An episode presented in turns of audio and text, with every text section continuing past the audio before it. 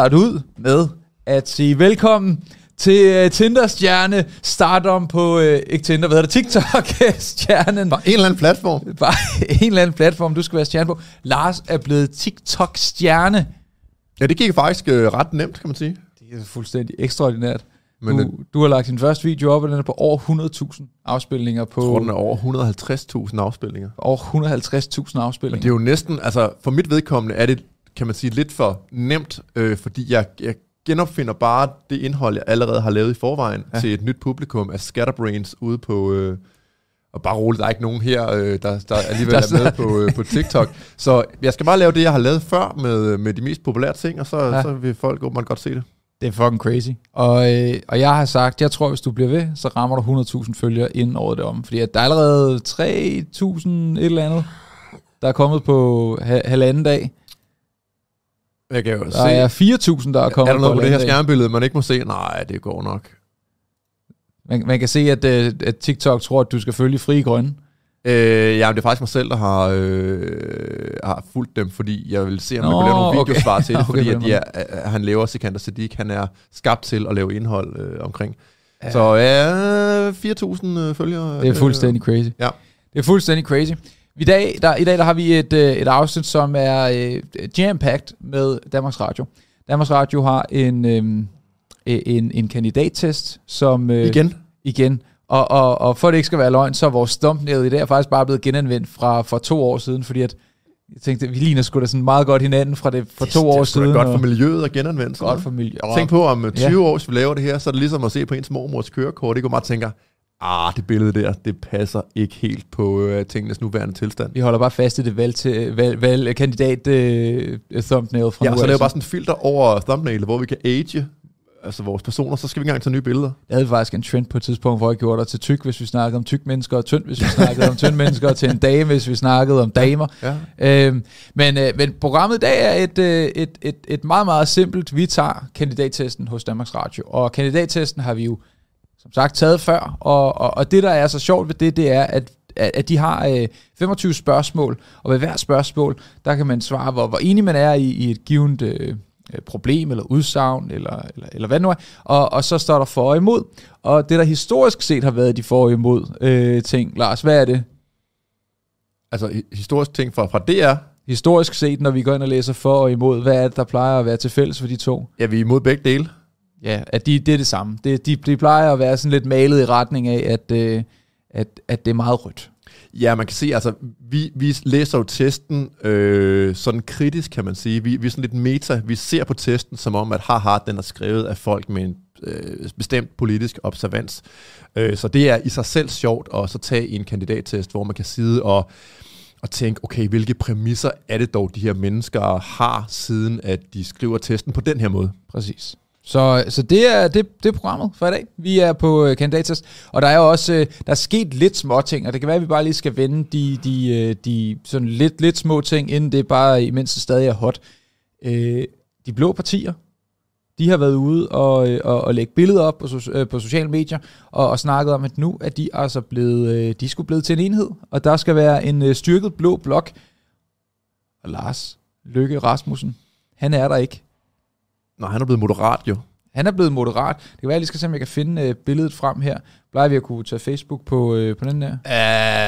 Uh, prøv. Godt. Så, så øh, nu så vi lige fra Liberal Alliance. Jeg tænker, den må ligge derinde, eller så ligger den Jeg tror, hvis de blinker til det, så kan man godt, hvis det bare... Ja. Facebook-opslag. Øhm, og det, vi kommer frem til her om et splitsekund, bum, jeg Ja. ja. blinker. Jeg blinker hele vejen hen til dig nu. Deep, deep link. Sådan der. Det vi ser her, det er øh, blandt andet Alex øh, Vanopslag og øh, en håndfuld af de andre. De har lagt, de har lagt øh, opslag op. Skal jeg bare sende dig øh, billedet i stedet? Copy image. Ja, du kan deeplinke til billedet måske. Hold kæft, hvor jeg bare de blinker der for vildt nu. Øh, partilederen de har lagt øh, opslag op øh, fra Blå Blok, og det er Morten Messerschmidt, der står helt til venstre. Så har vi Pernille Vermund, Jakob Ellemann Jensen. Og så i midten af det hele, der står Inger Støjberg. Midt i Ja. det hele dog. Og, øh, og så står øh, skumfidusen Søren Pape lige ved siden af. Og så Alex Facebook-opslag helt ude siden. Og da jeg så det her, så tænkte jeg, der mangler, øh, der mangler ligesom, øh, der mangler en pelikanhage Der mangler øh, en øh, lille tyk mand. Der mangler en lille tyk mand, og, øh, og det gør der sgu. Og, og, og samtidig med, at det her det kom ud, så er der kommet en masse rygter om, at den, den, den, den, den, den gode Lars øh, Lykke, ja. han jo simpelthen øh, går og pynser lidt på at slå pjallerne sammen på en eller anden måde med socialdæmonerne, som øh, jo selvfølgelig ikke siger socialdemokrati. Det virker ikke uh, særlig borgerligt, lige udenbart. Det virker overhovedet ikke særlig borgerligt. Men det her, det synes jeg er et, jeg synes, det er et flot billede i forhold til, at jeg var ret bange for, at øh, Jakob Ellemann Jensen, han ville sige, ja, ah, vi tager bare et godt stykke over midten. Det, det, det var det, han ville, og jeg var faktisk også lidt nervøs for, at Inger Støjberg måske godt kunne svinge. Altså Danmarks Demokrater, når hun har nogle holdninger, der er en lille smule socialdemokratiske også, lad os bare være helt ærlige, øh, at, at, øh, at de måske godt kunne gå i en rød retning, men det her, det tegner faktisk godt i mm, forhold ja. til blå og rød blok. Ja, men altså, når man ser på billedet her, altså, der er jo kun to mennesker på det billede, der sådan egentlig kan siges at være nogenlunde borgerlige, hvis man kigger på borgerlighed som sådan en samlet pakke. Altså det er Pernille Vermund og Alex øh, Vandopslag. Øhm, resten er simpelthen så indhyllet i socialdemokratisme.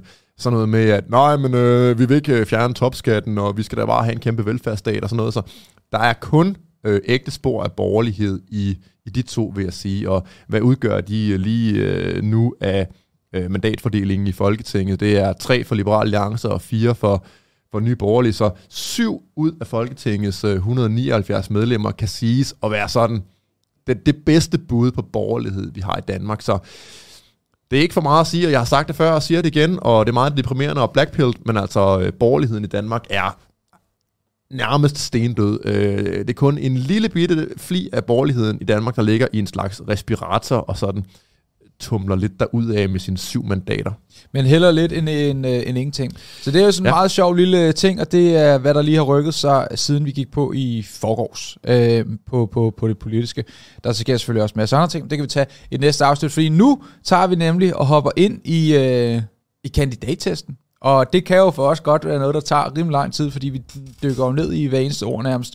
Så du er velkommen til at tage den sammen med os, hvis du går ind på Danmarks Radios hjemmeside. Ikke noget, vi normalt anbefaler, man skal gøre, men hvis du vælger at gøre det nu, så er det oppe i toppen, der er der en stor fed knap, hvor der står kandidattest. Så kan du tage kandidattesten sammen med os.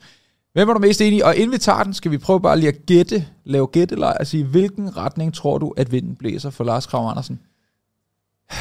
Ja, altså det er jo ikke så svært at gætte, tror jeg. Altså, øh, jeg vil jo tættest muligt på øh, stjernerne, og øh, øh det er lidt tættere på stjernerne at stå på taget af en pølsevogn, end at stå på et øh, kloakdæksel, selvom det ikke er særlig meget. Det er mange, meget, meget, meget øh, sådan få promille, der adskiller de to øh, ting, fordi at stjernerne er så langt væk, og pølsevognens tag er så, øh, så, så lavt. Så ja. men altså, jeg ender nok over i Liberal Alliance, Nye Borgerlige eller sådan noget. Ja, jeg vil gætte mig til, at jeg også ender i samme retning. Jeg kunne ikke forestille mig, at... Øh jeg kan ikke forestille mig andet. Det ville i hvert fald være en stor overraskelse, hvis ikke tog bare ind. Meget stor overraskelse. Stem på Fri Grønne. Så, det er der, du får dine ønsker opfyldt. Ja, der er nogen, der kan tage det som en sound, soundbite, og så smide det på sociale medier. Lars, der siger, stem på de. Øh, nej, hvad hedder det? Men lad os hoppe ind inden for fordi at, øh, vi har den her. Og, øh, og, og, men hvis nu, at det viser sig, at de, øh, de rent faktisk, at det var... Øh, øh, at, at vi skulle stemme på de frie grønne, så vil jeg sige, så, så er de gået i next level på Danmarks Radio med deres bias. Så, så, så, det, så, så er der et eller andet, der er vejen der. Man Men, kunne faktisk godt, hvis man var rigtig øh, modbydelig, og så lave sådan en test her, man ved, mange vil tage, så bare sige, nu vil jeg sådan øh, snyde standardmennesket, der ikke sådan rigtig ved noget om noget, eller sådan har hørt om øh, noget som helst, så bare øh, alle, der tager testen, de lander bare på det, som teststiller øh, synes er det bedste parti. Så lige meget, hvad man svarer. Det, det kunne man godt lave. Det inspirerer mig til en idé. Vi kunne jo faktisk godt så tage testen her. Og svare det modsatte. Nej, altså så simpelthen tage testen her, og så bagefter, altså meget grundigt på den her, og så bagefter gå ind på TV2, de har nemlig også en kandidattest øh, mm. med andre spørgsmål, mm. eller mærke, men de har også en kandidattest, og så bare lige hurtigt pløre den igennem, og så se, hvor, hvor er det de samme politikere, begge, begge øh, tests vurderer, at vi skal stemme på, fordi jeg vil sige, når det kommer til ideologier og, og politisk overbevisning, så vil jeg sige, du ved, hvor du står henne. Så, så, og du plejer ligesom bare at hive en, en, en anarkokapitalist øh, bogen frem, og så sige, Nå, hvad står der her? Hvad står der her? det er jeg det, jeg stemmer. Ja. Øhm, jeg stemmer så ikke. For. Nej, men øh, det, er det, jeg, det er det, jeg øh, stemmer i, Stemme øh, i selvforsvar. I kandidattesten i hvert fald. Lad os tage den første hos Danmarks Radio. Og, og igen, I er velkommen til at følge med ud i, i chatten og gøre det samme, som vi gør, og så kan I jo, hvis I vil, øh, dele svaret øh, til sidst, øh, når vi også deler vores. Det første her, det er, at Danmark har brug for flere penge til på at styrke tog- og busdrift, frem for at bygge nye motorveje.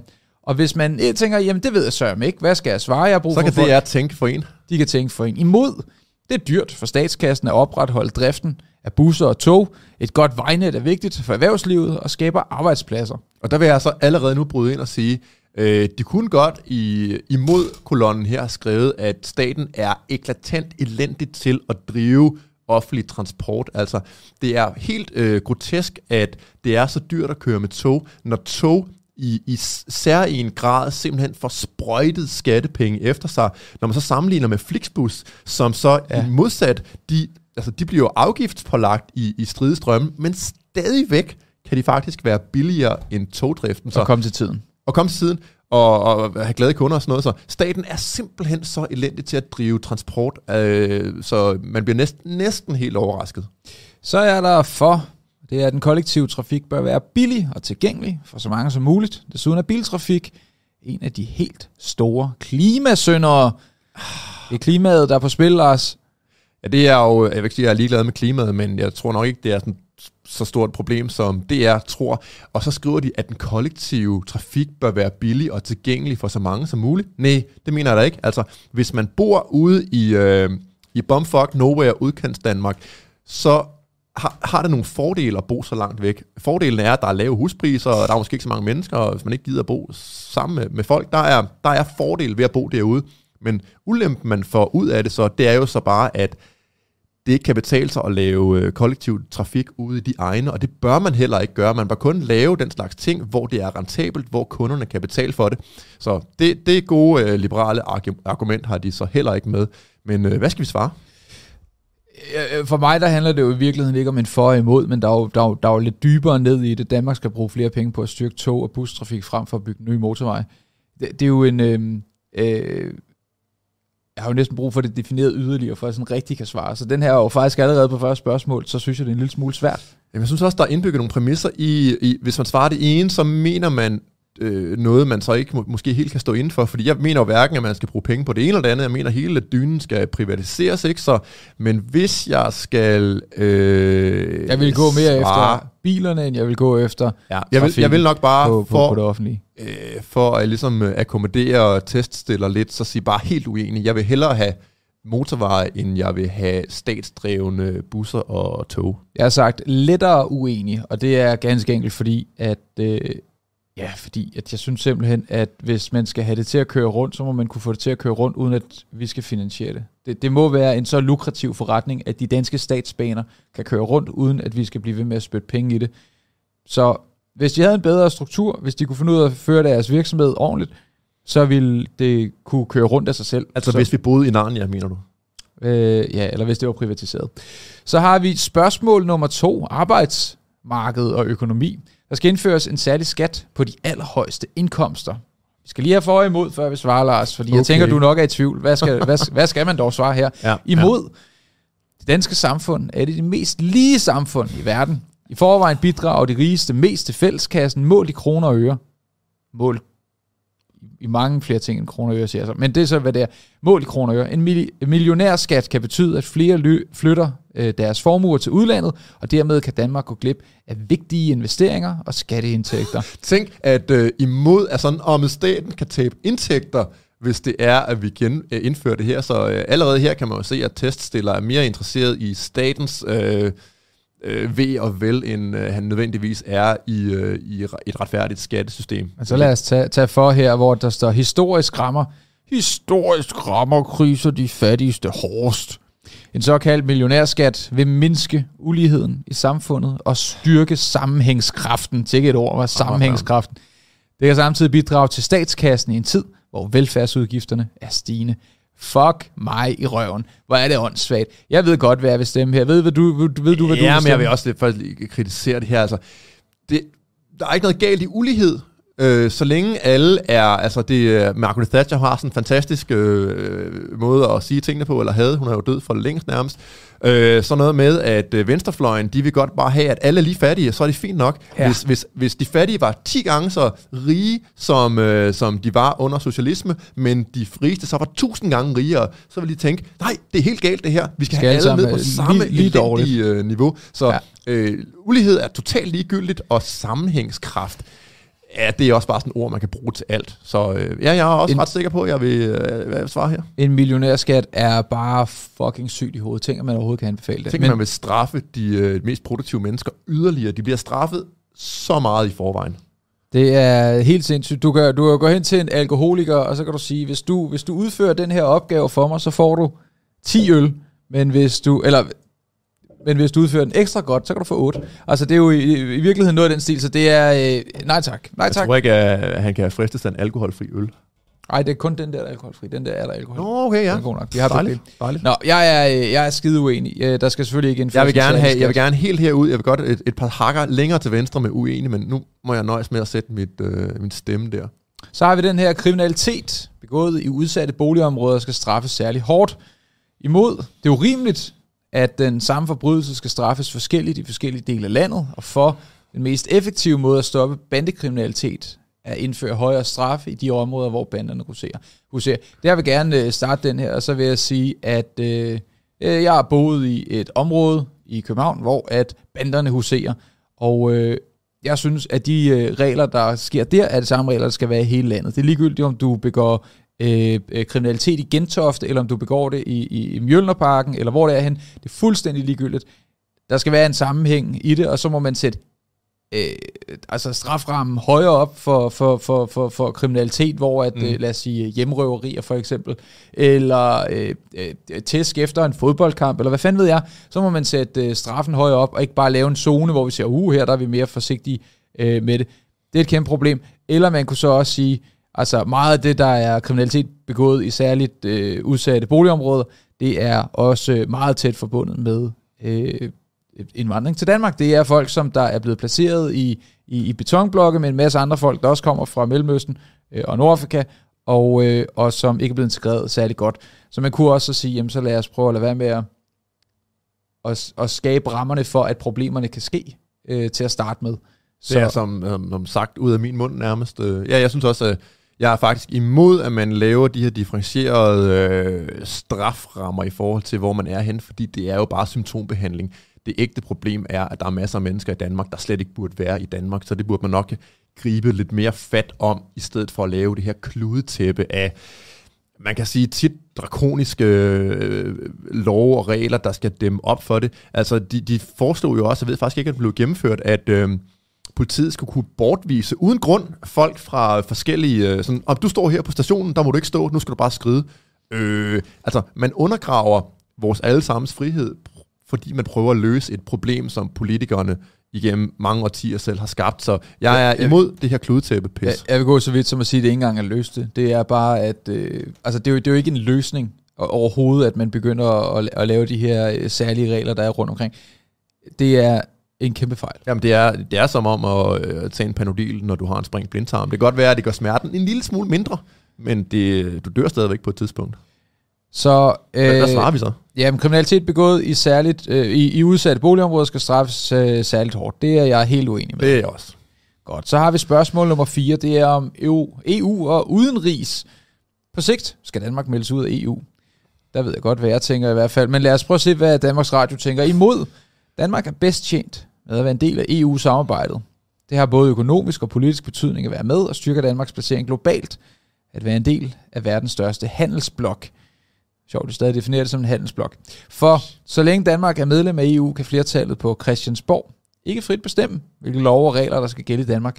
Politisk selvbestemmelse er vigtigere end at være med i et internationalt fællesskab. Her synes jeg dog, at de øh, er lidt gode på for fordelen, men, men ligesom du Jeg siger... synes stadig, den er lavet i en retning af, politisk selvbestemmelse er vigtigere end at være med i et internationalt Ja, de mener jo, at det internationale Altså, det er jo fællesskab, det er bare sådan, åh, det skal være i sådan en globalistisk ramme, hvor øh, mennesker mennesker, øh, øjler som øh, Ursula von der Leyen, hun sidder og bestemmer, at vi ikke må drikke af plastiksugerør. Ja, Ursula, ja, ja. Ja, bare, bare navnet, det burde diskvalificere hende fra at bestemme noget. Men, øh, men det er også sjovt, at man øh, tænker det her, at vi, vi kan kun handle med folk, hvis øh, vi er under sådan en paraply af, af globalistiske mennesker, øh, der vil indføre vanvittige regler. Øh, nej, vi kan godt handle sammen, lave handelsaftaler med hinanden. Vi burde i hvert fald kunne det, øh, uden at man får Ursula von der Leyen med.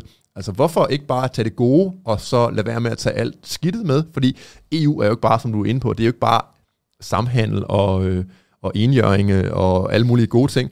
Det er så mange tåbelige ting. Øh, det er, at øh, hvad er der lige er blevet indført? Øh, Nå ja, der, de, de har lige hævet momsen på forskellige former for fysisk Og, træning. og de har også lige øh, indført for et par dage ja, siden ja, ja, ja. øh, ledninger Ja. til mobiltelefoner. Du øh, må ikke længere kunne, kunne, kunne, kunne købe iPhone-opladere fra lige om lidt.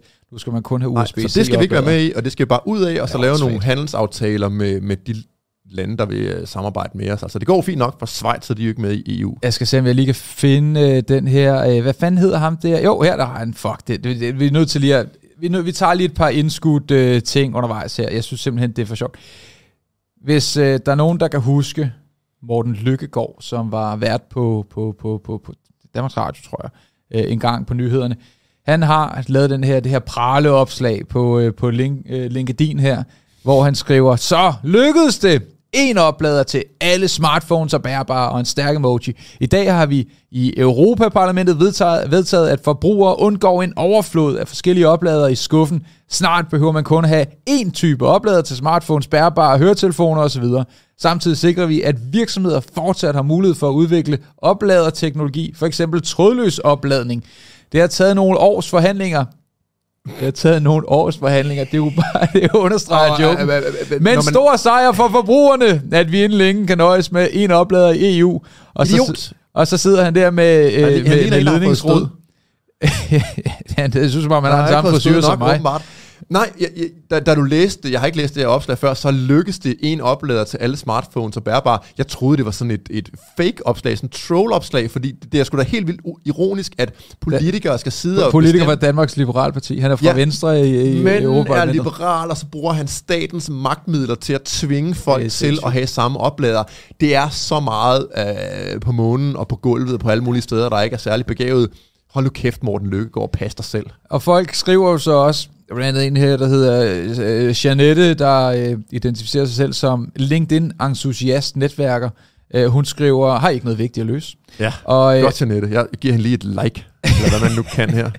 Øh, og, og, og sådan er meget af det også. Øh, nå, så det var bare lige en, øh, øh, en lille- indskudt en her. Ja. Øh, jeg, jeg, vil, øh, jeg vil sige det sådan her, at hvis øh, EU var meget mindre, og hvis EU var en handelsalliance, der gjorde, at det var nemmere for folk at handle med hinanden, så er det fint. Så vil jeg helt klart sige, jamen så... Og øh, kun det. Ja, ja, og kun det, det er klart. Og så har vi NATO til noget andet, og nogle andre ting til nogle andre ting. Men, men hvis det var det, som EU var, øh, og det er bygget ovenpå, øh, altså, at det har været en, en, en fælles ting. Men jeg vil bare sige, det at vi har Brexit, og det vi kan se, hvordan at Europa bliver splittet lige nu, EU er, er, er ikke det, der holder, det er ikke limen, det er det, Nej, folk, det er- folk nej, nej. prøver at få det til at virke som om, EU er limen, der holder Europa sammen. Det passer overhovedet EU ikke. er en polariserende faktor, fordi der er så mange mennesker, der har indset, at det EU sidder og laver, det intet har at gøre med frihed og velbefindende og, og, og selvbestemmelse og alt muligt. EU er bare nogle øh, mennesker, der faktisk ikke er valgt af nogen som helst, der sidder nede og dikterer, hvordan vi alle sammen skal leve. Så det skal vi bare ud af øh, hurtigst muligt. Så jeg må blive helt enig med det her. Jamen, der er vi på samme tid. Og inden vi hopper videre til den næste her, så kan vi lige tage et par superchats, fordi vi har blandt andet her fra AI, der sender 50 kroner og skriver, hvad synes Lars om Vejle-sagen, som var i politikken? Noget, du kender til? Øh, jeg er ikke lige bekendt med det. Jeg læser ikke politikken, så... Øh, Tak for de 50 kroner. Men tak for de 50 kroner. Christian J. sender 50 kroner og skriver, Alex, Pokémon Booster Park, base set, artwork, Charizard, om det er noget, jeg vil købe. Smid mig en besk- besked på Instagram. Det kan godt være, at det er noget, jeg vil købe. Øh, øh, Måske, men tak for de 50 kroner. Og så sender han faktisk en 50 mere. Skriv lige en 50 mere til uh, L, da Lars, det er sjovt, jeg er blevet så, så, så arbejdshandicappet, at når jeg ser EL, så oversætter jeg det automatisk i mit hoved til enhedslisten. Det, jeg skulle til at sige en 50 mere til Det var da enhedslisten. forfærdeligt. 50 mere til L, da Lars tog en trøje på sidste gang, så kan I måske tænde for varmen. Problemet er, at det er virkelig svært at varme op hernede. Det er jo bare sådan en mur ud til jorden, så øh, Ja, ja, ja. Det er bare verdens største varmeleder, så øh, ja, men tak for de 50 kroner. Og er meget interessant, at du holder øje med, når Lars tager tøj Jeg har, fået, øh, jeg har sådan 3-4 lange trøjer, og nu er jeg så hoppet i, øh, i ultrøjen, som jeg har haft på i det ved jeg ikke, halvdelen af alle vores øh, vinterpodcast. Ja, tak. tak. tak. Nå, vi hopper videre til øh, nummer 5 her, som er øh, igen øh, EU og, øh, og, og udenrigs, og der står der, det er fornuftigt, at Danmark i de kommende år bruger markant flere penge på forsvaret. Der er der også for imod. Vi er medlemmer af NATO, og i forvejen et stort forsvar. Nej, det er mere fornuftigt at anvende pengene på bedre skoler, børnepasning og ældrepleje. For Ruslands angreb mod Ukraine har ændret alting og øget truslen mod Danmark og Europa. Det er derfor vigtigt, at vi har et stærkt forsvar. Jeg vil så sige, at det ene udelukker ikke det andet her. Altså, øh, Nej, man godt have et altså, stærkt forsvar igennem. jeg, jeg er lidt i syv sind med det her, fordi jeg vil jo gerne have, at vi har et forsvar, jeg vil bare ikke have, at øh, det er politikerne, der styrer det. Nej. Så øh, lad os bare købe den præmis. Men de skriver her imod, at Danmark i forvejen har et stort forsvar. Så vidt jeg ved, har Danmark ikke et stort forsvar. Vi har et forsvar, der er gearet til at gå fodpatruljer i sandede lande og ja. kæmpe mod øh, mennesker med, med rustne AK-47 øh, iført flip-flops. Øhm, og det er altså ikke noget, man kan afvise en øh, invasion fra øst med. Altså, vi, vi, jeg, hvad har Danmark af stående styrker? Vi har måske et par kompanier, øhm, altså et, nogle hundrede mand, som man kan trække frem sådan lige her og nu. Det er ikke et, øh, et forsvar, der er egnet til konventionel krigsførelse og til forsvar af et nationalt territorium. Det, øh, det, det har man fået ødelagt med de her åndssvage krige, man har været involveret i i Mellemøsten og alle mulige varme, varme lande. Så jeg, jeg er imod, eller jeg er uenig i, at vi har et stort forsvar. Hvis det er stort, så er det i hvert fald stort på alle de forkerte måder. Jeg vil sige, at øh, hvis jeg kunne have svaret lidt anderledes på det, det kan jeg jo ikke, når det er sådan en enig uenig, så vil jeg sige, at man skulle omlægge forsvarets budget. Øh, det er, jeg mener hvis nok, det er en tredjedel, der går til hjemværnet. Det synes jeg er fuck mange penge. For, for, for, for, for noget, der selvfølgelig godt kan give mening, hvis der er en fucking oversvømmelse i øh, Vestjylland eller sådan et eller andet. Men, men det er jo primært, og jeg kender også folk, der er i det er bare ud at lege Rambo med, øh, med, med drengene. Altså, jeg, kan, jeg har en meget øh, større kærlighed til hjemmeværende, end du til synligheden har, fordi det er jo faktisk noget, der er lavet med sådan et ret anarkistisk, decentraliseret øh, sigte. Altså, efter 2. verdenskrig, der, øh, der tænkte man, fuck, det gik da helt galt det her.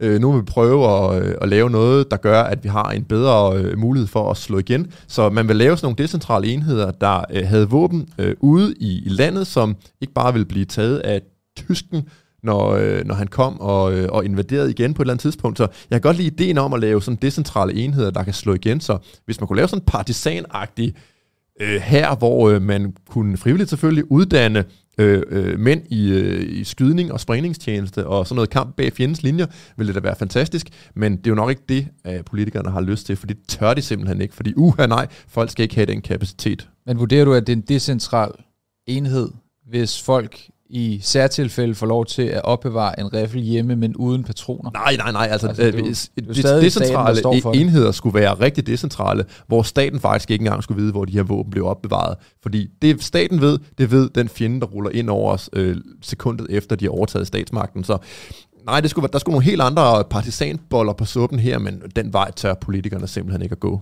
Jeg synes, det er... Øh, ja, hvad fanden skal vi sige? Helt uenig eller lidt uenig? Jeg tror, jeg er, jeg er sgu nok helt uenig.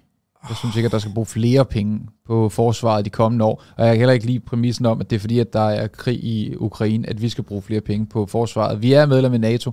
Vi bruger penge på det. Færre penge, end vi skal, fordi de har baser på Grønland og alt muligt. Men, men det er stadigvæk... Jeg er uenig. Det- Jeg synes Jeg, ikke, jeg, at der jeg, skal jeg, jeg flere rammer penge. også lidt uenig, fordi jeg, jeg, jeg kan ikke købe præmissen, men et eller andet skal jeg jo trykke på. Så tager vi nummer 6 her, hvor der står, det er okay, at den økonomiske ulighed stiger, så længe danskerne generelt bliver rigere. Good old Thatcher. Imod større økonomisk ulighed vil skævvride samfundet og skabe større forskel mellem rig og fattig. De dårligst stillede vil miste muligheder, og sammenhængskraften i samfundet vil blive svækket. Hvordan mister man muligheder? Bare at man er mere økonomisk ulige. Så længe man er rigere, end man ellers ville have været, så har man jo flere muligheder som mere velhavende. At det, at der er lighed, giver jo ikke en flere muligheder. Så øh, jeg kan simpelthen ikke købe det argument. Øh, nej, og så er der for, økonomisk ulighed afspejler belønningen, den enkelte kan opnå ved at gøre en ekstra indsats. Det er med til at skabe en dynamik og udvikling i samfundet, og kan på den måde sikre størst mulig velstand for alle. Den, den person, der har skrevet det, må virkelig have siddet og haft ondt et eller andet sted, men det er jo rigtigt nok. Ja, jeg kan bare forestille mig, den DR-medarbejder har bare tænkt, åh, nu skal jeg finde et argument for noget, jeg er fuldstændig imod. Øh, og så fandt personen det her inde på det ved jeg ikke, Liberal Alliances øh, hjemmeside. Det er selvfølgelig helt okay, at der er en økonomisk ulighed, fordi at det er naturligt. Der vil altid være en økonomisk ulighed, hvis der er frihed. Og friheden er vigtigere, end at alle skal være lige. Så derfor så er jeg selvfølgelig fuldstændig øh, enig i, at den økonomiske ulighed øh, er okay, at den stiger, øh, så længe danskerne generelt bliver rigere. Enig. Helt okay. Og det trækker, jeg er også overbevist om, det trækker hele segmentet op. Så, så hvis at folk bliver rigere, så tror jeg sgu også, at, øh, at det hiver folk med op. Hvis man har flere penge, man kan bruge på sig selv, så kommer der også flere penge ud i Herr Hansens købmand-butik, ja, og flere ja, ja, folk, der kan ansættes i Føtex, og så videre, så videre, så videre. Så det, det, der skal bare flere penge ud i samfundet, og færre penge i statskassen, og færre penge i øh, Politikernes. holdingselskaber og så videre. Nummer syv. For, det går sgu da rimelig smooth indtil Det går, det går hurtigt, det her. Det går tjept, det går det tjept. går tjept. Øh, for- forældres indkomst skal være et af kriterierne for fordeling af elever i gymnasiet. Uh. Imod de unge risikerer at miste pladsen på deres nærmeste eller foretrukne gymnasie alene på grund af forældrenes indkomst. Det er den dårligste imod, der er skrevet. Hold kæft. Nå, ja. For det er vigtigt for alle gymnasier. Det er vigtigt, at alle gymnasier består af unge fra alle grupper af samfundet. Ved fordeling efter indkomst sikres blandede gymnasier. Vil- du øh, starte med at, øh, at, at skyde den her af? Eller Jeg starter skal med øh, over imod bloggen her, hvor jeg bare kritiserer deres tåbelige, tåbelige argument. Altså, det er jo ikke så meget det, at bare unge risikerer at ikke komme på det gymnasium, de vil have.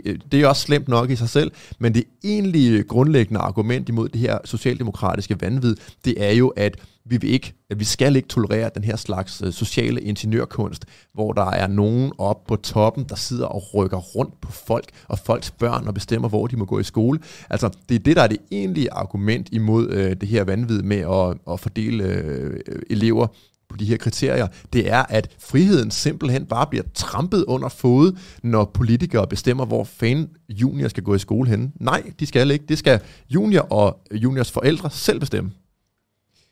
Øh, ja, jeg, jeg er enig. Altså, det er... Jeg har øh, intet... Altså, jeg vil jo gerne... Det er også naturligt, at man gerne vil gå sammen med folk, som minder om en selv. Mm, Altså ja. det der med, at man skal påtvinges, at så skal man cykle tværs over land og rige, for at kunne komme i skole, fordi at du skal gå i skole med nogle folk, som ikke minder om dig. Du skal være sådan en eller anden opblandingselev, der skal repræsentere et eller andet segment i samfundet. Ja, det er jo helt... øh, Det er et socialt eksperiment, som er bound to fail. Så, så, øh, så, så nej, selvfølgelig skal forældres indkomst ikke være øh, et af øh, kriterierne for fordeling af Jeg er også elever. bare så uenig, man kan blive. Det er også godt. Så har vi nummer 8. Og øh, hvis vi lige øh, hvis vi deler, dvæler ved det her, øh, en af grundene til, at man har lavet de her, eller prøver at lave de her idiotiske fordelingsnøgler, det er jo igen, at der har fundet massiv indvandring fra 3. verdenslande sted, øh, sted til Danmark. Øh, og det er jo så de her øh, tredje verdens øh, elever, der egentlig er det basalt grundlæggende problem. Politikerne kan ikke lide, at der er brune gymnasier, der klarer sig øh, og øh, alle de her ting, der følger med øh, sådan nogle øh, MENAP-elever. Øh, øhm, og det er jo egentlig den grundlæggende, det er grunden til, at man laver det her. Så det er igen sådan et kludetæppe, øh, en kludetæppe-løsning på et problem, der stikker meget dybere. Så Øh, og det er jo det samme, vi så, da de nedlagde specialklasser for, at alle folk skulle, skulle, skulle integreres i de samme klasser. Det, det var meningen, hvor man tænkte, nå, jamen, så kan man løfte i flok, og så kan det være. Faktum er bare, at de, de folk, der er øh, raketter og kunne flyve afsted og klare sig helt vildt godt, og, og, og de bliver holdt tilbage af dem, som ikke klarer sig lige så godt. Og dem, der ikke kan klare sig lige så godt, kan ikke følge med, fordi der er nogen, der er bare raketter, der flyver afsted. og det er jo, det er jo rigtig, rigtig nemt at sabotere en god klasses dynamik. Der skal Helt ganske, ganske få dårlige elever til at sabotere en god dynamik. Eller dårlige lærer. Men eller dårlige lærer. Øhm, der skal ikke særlig meget til at ødelægge det, men der skal ret meget til at få det til at lykkes. Så det er ikke bare sådan, at man kan putte øh, fem gode elever ind i en dårlig klasse, og så bliver den dårlige klasse god. Sådan fungerer det ikke, men man kan den onde lyne med putte fem dårlige elever ind i en god klasse, og så bliver den klasse øh, dårlig. Det er lidt ligesom en lort og lavkage. Altså man kan ikke, hvis man bare putter en lille smule lort i en lavkage, så er den uspiselig. Man kan ikke bare, man kan ikke putte en masse lavkage ned i en lort, og så sige, nu er det en lavkage. Så tingene fungerer øh, ikke helt på den måde, som politikerne forventer, tror jeg. Nej, men jeg tror også, det, er, det, det sender også lidt signal til sådan, du ved, øh, mangfoldige øh, enhedslisten typer, som, som tænker, at vi alle sammen er meget bedre, hvis vi alle sammen er meget mere sammen. Men faktum er bare igen det samme med specialklasser. Det fungerer bedre, at der er en klasse fra øh, du ved, 7., 8. og 9., hvor der kun er fem elever i, og de fem elever bliver der taget ordentligt hånd om, i stedet for at de fem elever så skal spredes ud i nogle andre klasser, hvor at det går ud over, som du siger, klassedynamikken og, og, og elevernes øh, øh indlæring. Så, men, øh, så den er jo øh, den er nem nok at svare på. Så er vi nummer 8 her. Det skal være muligt at tjene penge på at drive private børnehaver og vuggestuer. Argumenter for og imod. Jeg synes, det er vildt nok, at der overhovedet kan være et argument imod, men det er jo så, hvad det er. Skattekroner tiltænkt velfærd skal ikke kunne blive trukket ud som profit og ind i lommen på en privat dagtilbudsejer. Så er der for. Der er brug for en bred vifte af forskellige dagtilbud, særligt i yderområderne. Hvis man øh, ikke må tjene penge på at drive institution, får vi et dårligere udbud. Ja. Øh, Hvad synes du om øh, imod-delen? Øh, de forstår bare ikke helt øh, basal økonomi øh, sådan lige på den måde. Altså dem, der har stillet forslaget i det hele taget, forstår ikke basal økonomi, fordi hvis man forhindrer øh, at gøre en sektor rentabel, man forhindrer, at man kan tjene penge på det ved at investere penge i en sektor, så er der ikke nogen, der har lyst til at investere en rød reje, hverken i arbejdstid eller i, øh, i, i penge, i den pågældende sektor. Altså hvis man gjorde det her på nogen som helst andre sektor i økonomien, lad os sige, at man øh, sagde, at øh, det bør ikke være øh, muligt at tjene penge på tømmervirksomheder, fordi altså, at få et godt tag, det er jo sådan en slags øh, øh, menneskeret, så selvfølgelig skal man ikke have de her onde kapitalister ind på tagmarkedet, så vil det rigtig hurtigt øh, resultere i, at der bare er en vild flugt fra den pågældende sektor af innovation, af gode mennesker, af gode løsninger og rentabelt og effektiv drift. Så det ender bare i, i ned i døgnet, hvis man, øh, man, man gør det her, og det vil gælde på alle øh, områder i økonomien, så det gælder naturligvis også på øh, børnehave- og vuggestueområdet. Så det er jeg fuldstændig vanvittigt meget imod. Jeg, jeg vil jo så gå så vidt som at sige, nu står der bare, men, at det skal være muligt at tjene penge på at drive privat børnehave og vuggestue. At det skal være muligt at tjene penge på at drive alt. Også øh, inden for uddannelsessektoren skal det også være på skoler, ja, ja, ja. det skal være på højskole, det skal være på efterskole, det skal være på gymnasier. Der skal ikke være noget, der er off limits. Og, og man kan jo sige sådan noget som en efterskole for eksempel, de må ikke have et profit. Det synes jeg jo er fjollet, at man så skal brænde pengene af, i stedet for at have et profit, eller samle til bunke, og så kunne gøre det billigere, du ved, to år senere, eller hvis... Jeg var engang ude på en efterskole, som, som der kun var 60 elever på. Jeg skulle lave nogle workshops, tror jeg, jeg skulle lave fire workshops derude. Og den, øh, den, den første, jeg vil nok lade være med at sige, hvor det er, men, men den første workshop, jeg lavede, øh, der var der, det, det, der, jeg tror det var 62 elever faktisk, halvdelen af dem var ikke med, deltagende i det. De, de, de gjorde ikke noget, og de lærere, der var der, var sådan lidt, nej, men det er okay, at de ikke, de ikke er med. Øh, eleverne, de satte sig op langs væggen og så jeg får angst, når der er mange mennesker, og ej, jeg, får, jeg har virkelig dårlige hofter og ondt i ryggen, og alle de der, sådan, du ved, offer, offer ting.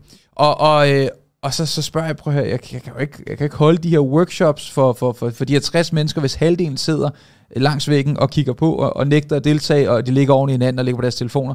Jeg, jeg er nødt til, at vi opretholder en eller anden form for disciplin, disciplin og, og, og pli, og, og at det ligesom bliver gjort ordentligt. Og så sagde de også til mig, jamen, øh, hvis der er en, der ryger ud, en mere af efterskolen, der ryger ud i år, så går vi konkurs.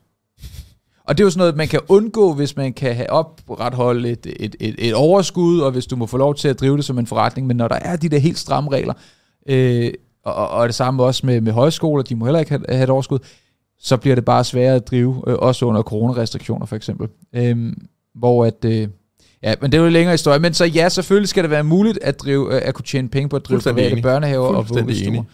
Jeg er også fuldstændig enig. Så har vi nummer 9. Arbejdsmarkedet og økonomien. Der skal indføres skat på fortjenesten ved salg af bolig. Kan vide, hvad jeg mener der? Ja, kan vide, hvad du mener der. Imod, det er mere sikkert for det er mere sikkert for alle, at boligejere betaler ejendomsskatter løbende som nu. Der er ingen garanti for, at ens bolig stiger i værdi.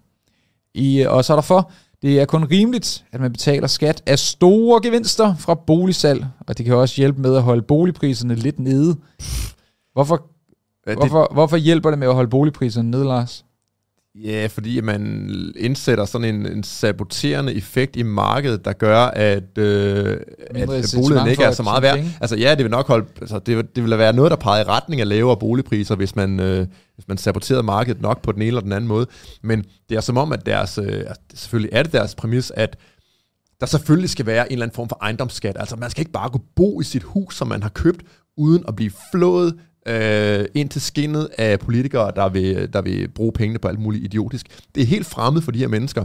Øh, både der vil indføre øh, skatten her, og dem, der har lavet testen. Det er helt fremmed for dem, at staten ikke bare skal kunne øh, tjene penge på, at man bor i sin egen bolig. Altså, når man betaler boligskat, så betyder det jo basalt set, at man har lejet sin bolig af staten. Man ejer den jo ikke i virkeligheden, når det er, at man skal betale penge til en tredjepart for at bo der. Så jeg mener, at øh, hele øh, ejendomsskatsområdet bare skal øh, køres over med en bulldozer, og så skal man have lov til at kunne bo i sit hus uden at blive øh, flået. Altså, hvis, hvis for eksempel Øh, der har jo været eksempler på de her mennesker, der bare sådan vil passe sig selv og gro gulerødder og kartofler i haven, og, øh, og så bare, øh, ja, måske nogen, der er mere ekstreme end dig, men der var sådan to kvinder over på Fyn, whatever, øh, der, der gerne ville det her, men det kunne de jo ikke, fordi de tjente ikke nogen penge til at kunne give staten for at bo ja, ja, i deres præcis, eget præcis, hus. Præcis, præcis. Så det er, det, det er sådan nærmest en pervers konstruktion, at man skal betale staten penge for at eje sin egen ejendom. Så øh, øh hvad skal jeg egentlig svare her? Der skal indføres en skat øh, for tjenesten. Øh, meget, meget uenig. Sådan. Jeg, jeg kan bare lige her, inden vi, vi hopper videre fra den. Hvem tror du, der tænker, der skal indføres skat på fortjenesten ved salg af bolig? Selvfølgelig folk, der ikke har en bolig. Og hvem, altså det, så det er jo sådan, det er jo, det er jo en tåbelig ting, altså det er jo sådan, ja, ja. Det, det, det, burde da være folk, som der har en bolig, som der har noget at sige det her. Hvis du bor i et rækkehus, som, som, som, som øh, hvad hedder sådan noget, øh, sådan noget legehaløjse, øh, jamen så skal, så skal man da ikke blande sig i det her. Nej, men det er jo bare typisk øh, demokrati, det er, at man kan stemme sig til andre menneskers penge. Så øh, intet er så sikkert som at få Peters stemme, hvis man lover ham Pauls penge. Lige præcis. Jeg er meget uenig i, at der skal indføres skat på fortjeneste ved salg af bolig. Så bliver der spurgt her i velfærd nummer 10. Det er en god idé, at dagpengesatsen for nyuddannede er sat ned. Og øh, imod er, at som nyuddannet er man øh, ofte ved at etablere sig og har behov for en vis indkomst, mens man leder efter første job. Lavere sats udvander opbakning til det kollektive dagpengesystem. Og for at de fleste nyuddannede er yngre mennesker uden store økonomiske forpligtelser. En lavere dagpengesats for nyuddannede vil få flere i job hurtigere. Jeg kan godt starte den her. Øhm, jeg øh, øh, kender en, som der blev færdig med sin uddannelse i, i sidste sommer, mm. og som, øh, som valgte, at øh, han kunne godt have taget et job, og han er kvik, og, og det ville ikke være noget problem, men valgte at, at ikke gøre det til fordel for at spille lidt mere Playstation øh, i det næste år. Og, øh, og han er altså blevet professionel Playstation-spiller. Ej, det har han sgu næsten været hele sit liv, tror jeg. Men, øh, men, men så min pointe er bare, at og, og jeg har også snakket med andre om det, som, som ser det samme, at det er meget naturligt, at du gennemfører din uddannelse, og så tager du lige et år på, på dagpenge, fordi at normalt, når du går under din uddannelse, så får du det halve af, øh, lige, lige, næsten det halve af en dagpengesats, og, øh, og, og så lige snart du kommer på dagpenge, så får du dobbelt op af, af, af, af din SU, og, og der er faktisk ikke rigtig nogen forventninger andet, end at du en gang imellem dukker op til jobcentret, og så kan det være, at du skal tage det de der du ved, øh, CV-kurser, ja, eller, bygge, eller bygge af spaghetti-kurser, eller et eller andet. Lige præcis. Men øh, så, så for mig at se, så er øh, dagpengesatsen øh, det, det, det, det er meget lige med, med, med det samme som, som, som, som kontanthjælp og mange andre. Jeg synes, det er meget nemt at optjene, øh, og, og det er ikke altid, at man har et et brændende behov for det. Så derfor så synes jeg, det er helt okay, at dagpengesatsen for nyuddannet bliver sat ned. Den kunne sagtens, man kunne starte med at sætte ned til det samme som SU'en. Mm. Det vil i øh, hurtigere gøre, at folk så siger, jamen så må jeg få mig et job. Er du sindssygt, folk vil få et job hurtigere? Så vil jeg spare penge op, og så kunne jeg holde ferie, når jeg holder ferie, eller jeg vil opfinde den dybe tallerken og tjene en million på det. Et eller andet. Men øh, Ja, så jeg synes, at det er en god idé, at dagpengesatsen for nyuddannede bliver sat ned. Jamen, jeg er jo ikke overraskende ret enig, fordi dagpengene er jo øh, finansieret af skattemidler, øh, og der er selvfølgelig folk, der øh, argumenterer for, jamen, jeg betaler jo øh, øh, 800 kroner til fagforeningen om måneden. Ja, ja, det er fint med dig, men altså, øh, øh, de penge, du betaler om måneden, går kun til administration. Pengene, du får, når du øh, på et eller andet tidspunkt Øh, gerne vil være professionel Playstation-spiller, stammer altså fra skattepengene, så man kan sige, at det her dagpengesystem øh, også omfordeler fra fattig til rig, fordi der er jo mange, rigtig mange af de her... Øh, de her bæster, der bliver øh, færdige med en eller anden uddannelse og tager sig lige et sabbatår, de står måske nok til en ret høj livstidsindkomst, men så kan de lige leve af, skatte, hvad hedder det, af, af kassedamens skattepenge et års tid, inden de så begynder på den her høje livstidsindkomst. Så jeg synes, det er, det er et perverst system, og det burde fuldprivatiseres, det her, som man kunne forsikre sig imod arbejdsløshed. Det er ikke skatteyderne, der skal øh, stå for at finansiere folks øh, eskapader ud i videospil øh, et års tid eller to, efter de er færdige. Så jeg siger, jeg er enig i, at det er en god idé, at dagpengesatsen for nyuddannet bliver sat ned. Boom, det gør Så har vi nummer 11 her. Transkønnet under 18 år skal have mulighed for juridisk kønsskifte, parentes, skifte CPR-nummer. Og øh, der er simpelthen også en, øh, en imod det. Øh, og, og der står, unge skal have ro til at danne deres egen identitet. Så der er ingen grund til, så der er ingen grund til, at man kan skifte øh, juridisk køn, før man fylder 18 år og er myndig. Så er der for, det skal være op til det enkelte menneske i samråd med familien at definere eget køn. Derfor skal børn i lighed med voksne have lov til at skifte de sidste fire cifre af, af CPR-nummeret. det, øh, jeg vil gerne starte den. Ja. Øhm, du er meget i tvivl, kan jeg høre. Jeg er overhovedet ikke i tvivl, men jeg, øh, jeg, jeg tror, jeg har det sådan her. De definerer det som under 18 år. Så hvad er det for, hvor bred en vifte er det? Er det fra, er det du er 17? Så er det, når du er 16, 15, 14, 13? Jeg har ikke set forslaget. Jeg ved ikke, om det er... Ja, det er garanteret et forslag, men jeg ved ikke, om de har sådan... Skal nok øh, kunne finde nogle partier, der har foreslået jeg det. Jeg ved ikke, om de sådan har øh, udpenslet helt, hvad det kommer til at betyde, hvis det var, at det skulle indføres. Det ved jeg ikke. Jeg synes jo i, i bund og grund, og nu bliver det lidt længere ind, men jeg synes jo bare, at der skal være to aldersgrænser i Danmark. Der skal være en, hvor du kan tage vare for dig selv, og en, hvor du kan tage vare for andre. Og tage vare for andre, det vil jo så være øh, eksempelvis at øh, kunne, kunne køre i en bil, fordi det er alligevel en dræbermaskine, man sætter sig mm. ind i, mhm. men at kunne tage vare for sig selv, det er at kunne gå ned og købe en sixpack med, øh, med, med øl, for eksempel. Det er kun det, der selv det går ud over, og så kan man så sige, jamen det er forældrene, der, der opdrager ens børn, det er ikke staten. Så, så, så her der er det et spørgsmål, det er jo i virkeligheden en selv, det handler om, Øh, det påvirker ikke mig, at, at, at en eller anden øh, går ud og skifter køn, og jeg er jo i virkeligheden fuldstændig øh, ligeglad. Problemet for mig, det er, der kommer til at være ressourcer, der bliver brugt på det, der skal øh, opdateres et eller andet nyt system, og hvis der er en ting, øh, staten ikke har, så er det systemer, man bare lige kan lave om på. Så skal der være et eller andet i det, og, og så så til, og så på et personligt niveau, så synes jeg, det er fjollet. Altså, øh, så, så, så, så jeg er sådan umiddelbart, du skal ikke, man skal ikke bare kunne skifte sit køn, som vinden blæser, bare fordi, at det er øh, det, det, man lige føler for det. Vi har jo siddet og set det der børneprogram. Øhm, Børnemishandlingsprogrammet. Jeg ja. huske, hvad det hed. Noget til det her Ultra, hvor der var, nogle, der var to, øh, en dreng og en pige, der ville være en pige og en dreng, som, øh, som, som der indgår i det her kønsskifte øh, forløb her. Og øh, altså, det er jo for, det er fucking sygt, for det, det er jo, hvem fanden som 12-årig ved, hvis man vil være en dreng og en pige. Der er jo ikke nogen, der gør. Jeg synes, det er en meget mærkelig ting, at man skal tage stilling til, og jeg synes, det er okay, at man har nogle ting, man først kan, når man er myndig. Jeg vil så sige, at de fleste folk øh, kunne måske godt øh, sige, bare fra de 16 år, mm. at mhm. så kan de så selv bestemme, fordi nu kan man køre bil, når du er 17, og du kan drikke alkohol, fra du er 15 eller 16, eller hvor, hvor meget det nu er. på, hvor vild man er med hedvin og sådan noget. Jeg ved ikke, der er nogle grænser, ja. Så, så jeg synes bare 18 år, jamen, altså 18 år, der er du fandme voksen, så selvfølgelig skal du bestemme, hvad du vil der. Men man kunne sagtens sætte den ned, men den skulle bare ikke sættes alt for langt ned. Øh, og så gider jeg ikke høre om det, jeg gider ikke have, at der skal være her mange penge, der bliver sat af til, at der skal bygges nye systemer. Det er mit problem. Ja, så, så, så overvejende ja, ja. vil jeg faktisk bare sige, uenig. That's it. Altså, det, det er den nemmeste løsning, fordi at der er for mange det, det, ting, der definerer rammerne for, at jeg vil være enig, mm-hmm. til at jeg bare kan sige, at jeg er enig. Så, så ud fra det her, uden at der er øh, rammer, der er defineret, så siger jeg, jeg er uenig. Jamen, jeg, jeg tror også, at med pragmatikerhatten på, og man, nu ved jeg jo, at det er staten, der står for at registrere folk og bla bla bla, øh, så tror jeg, det vil skabe, det vil øh, skade mere, end det vil gavne, og åbne porten for, at øh, unge, forvirrede mennesker med forældre, der ikke rigtig øh, har nogen idéer om, hvordan man tager vare på børn, altså giv, giv dem den mulighed her, så jeg vil jo helst have, at staten overhovedet kan noget at gøre med at registrere folk og alt det der øh, anarkokapitalistiske bullshit, men nu vi har det her system, så mener jeg, at det er glimrende, at man skal være myndig, inden man begynder at rode med de her ting. Så der er flere, bare, flere chatten, ja. der skriver, at SF mener, at det er fra 0 år.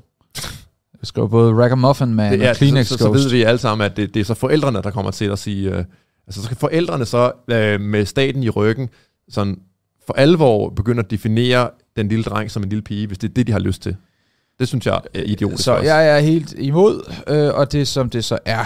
Øh, så er der pensionsalderen skal fortsætte med at stige i takt med, at levealderen stiger. Så er der argumenter for imod. Imod pensionsalderen kan ikke vokse i det uendelige. Så vi, Det kan den vel godt ja. Ja. på en eller anden måde. Altså, men okay, i øh, 2050 vil den være på 72 år, hvis vi fortsætter som nu.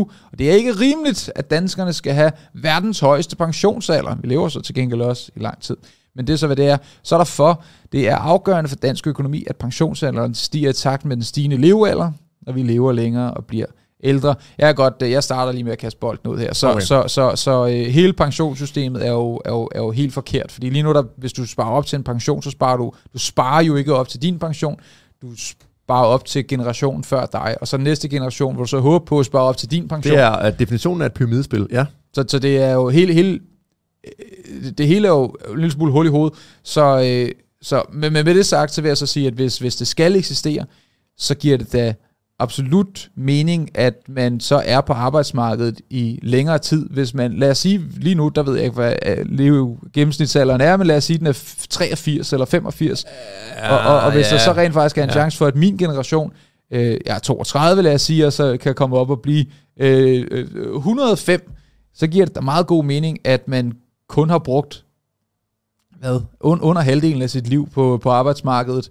Altså det er da fjollet. Så selvfølgelig er det okay, at den kan stige i takt med, at levealderen stiger, men, men, men hele øh, Præmissen. præmissen for, for pensionsselskaber bygger på et meget, meget underligt fundament. Jamen jeg, også, øh, jeg tror, det her spørgsmål indtil videre, det er der, hvor jeg er allermest uenig i præmissen, uden at lige helt kan huske alle de andre.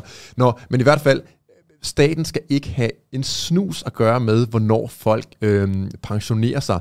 Det er jo øh, vildt egentlig, at folk de accepterer, at, at det er øh, mennesker som Mette Frederiksen og, og lignende øh, folk, der har hoved- og halsret over deres penge og deres opsparing, og hvor længe de skal arbejde. Altså, lad nu folk selv beholde deres penge, og så om man vil gå på pension som 45-årig, eller som 85-årig.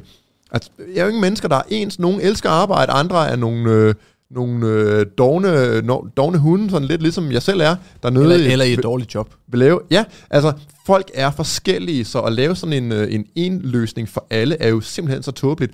Lad nu folk selv øh, beholde egne penge. Lad være med at stjæle folks penge og båndlægge dem i alle mulige sindssyge øh, ordninger, øh, hvor man jo også i øvrigt kan sige, at når man indbetaler til sådan en pensionsordning ordning her, så er det, man har indbetalt, jo bare et pennestrøg væk fra, at politikerne siger, ved du hvad, vi mangler sgu penge, nu, øh, nu sløjfer vi lige 60% af alle menneskers øh, pensioner, fordi staten står skulle lige og mangler et eller andet til et eller andet vanvittigt tåbeligt projekt, som vi lige har gang i, som er tidens nye store trend, så nu skal jeres pensioner altså bare beha- øh, finansiere det her, så det er også meget farligt at lade staten have alle de her penge, fordi Øh, det kan de slet ikke administrere. Så øh, øh, pensionssystemet skal helt fuldprivatiseres af SAP, og så må folk selv bestemme, hvornår de ikke gider at gå på arbejde mere.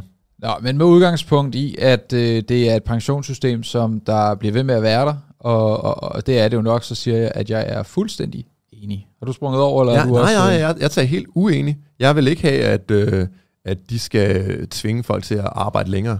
Så, Okay, men jeg øh, tror, jeg tror ud fra at dit svar, så vil systemet betragte mig som socialdemokrat.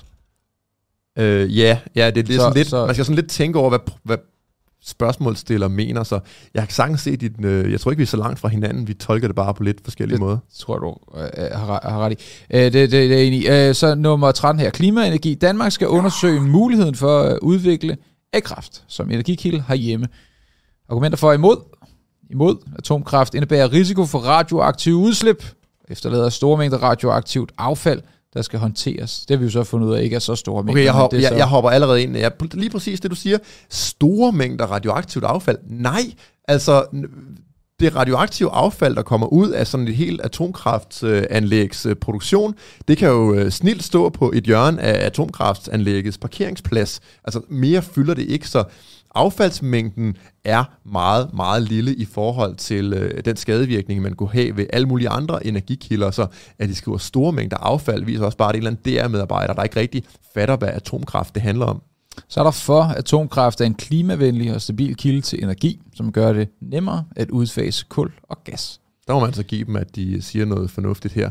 Øhm, Jeg, jeg, jeg ved faktisk ikke rigtig nok om A-kraft. og Jeg synes, det kunne være spændende, hvis vi lavede et afsnit om det på et tidspunkt, så jeg ligesom havde en, en, en, en god grund. Jeg har selvfølgelig en god grund, bare det er i live og så videre, men, men en, en, en endnu øh, øh, en grund Endnu mere til, grund. en endnu godere grund til at undersøge øh, A-kraft lidt mere grundigt.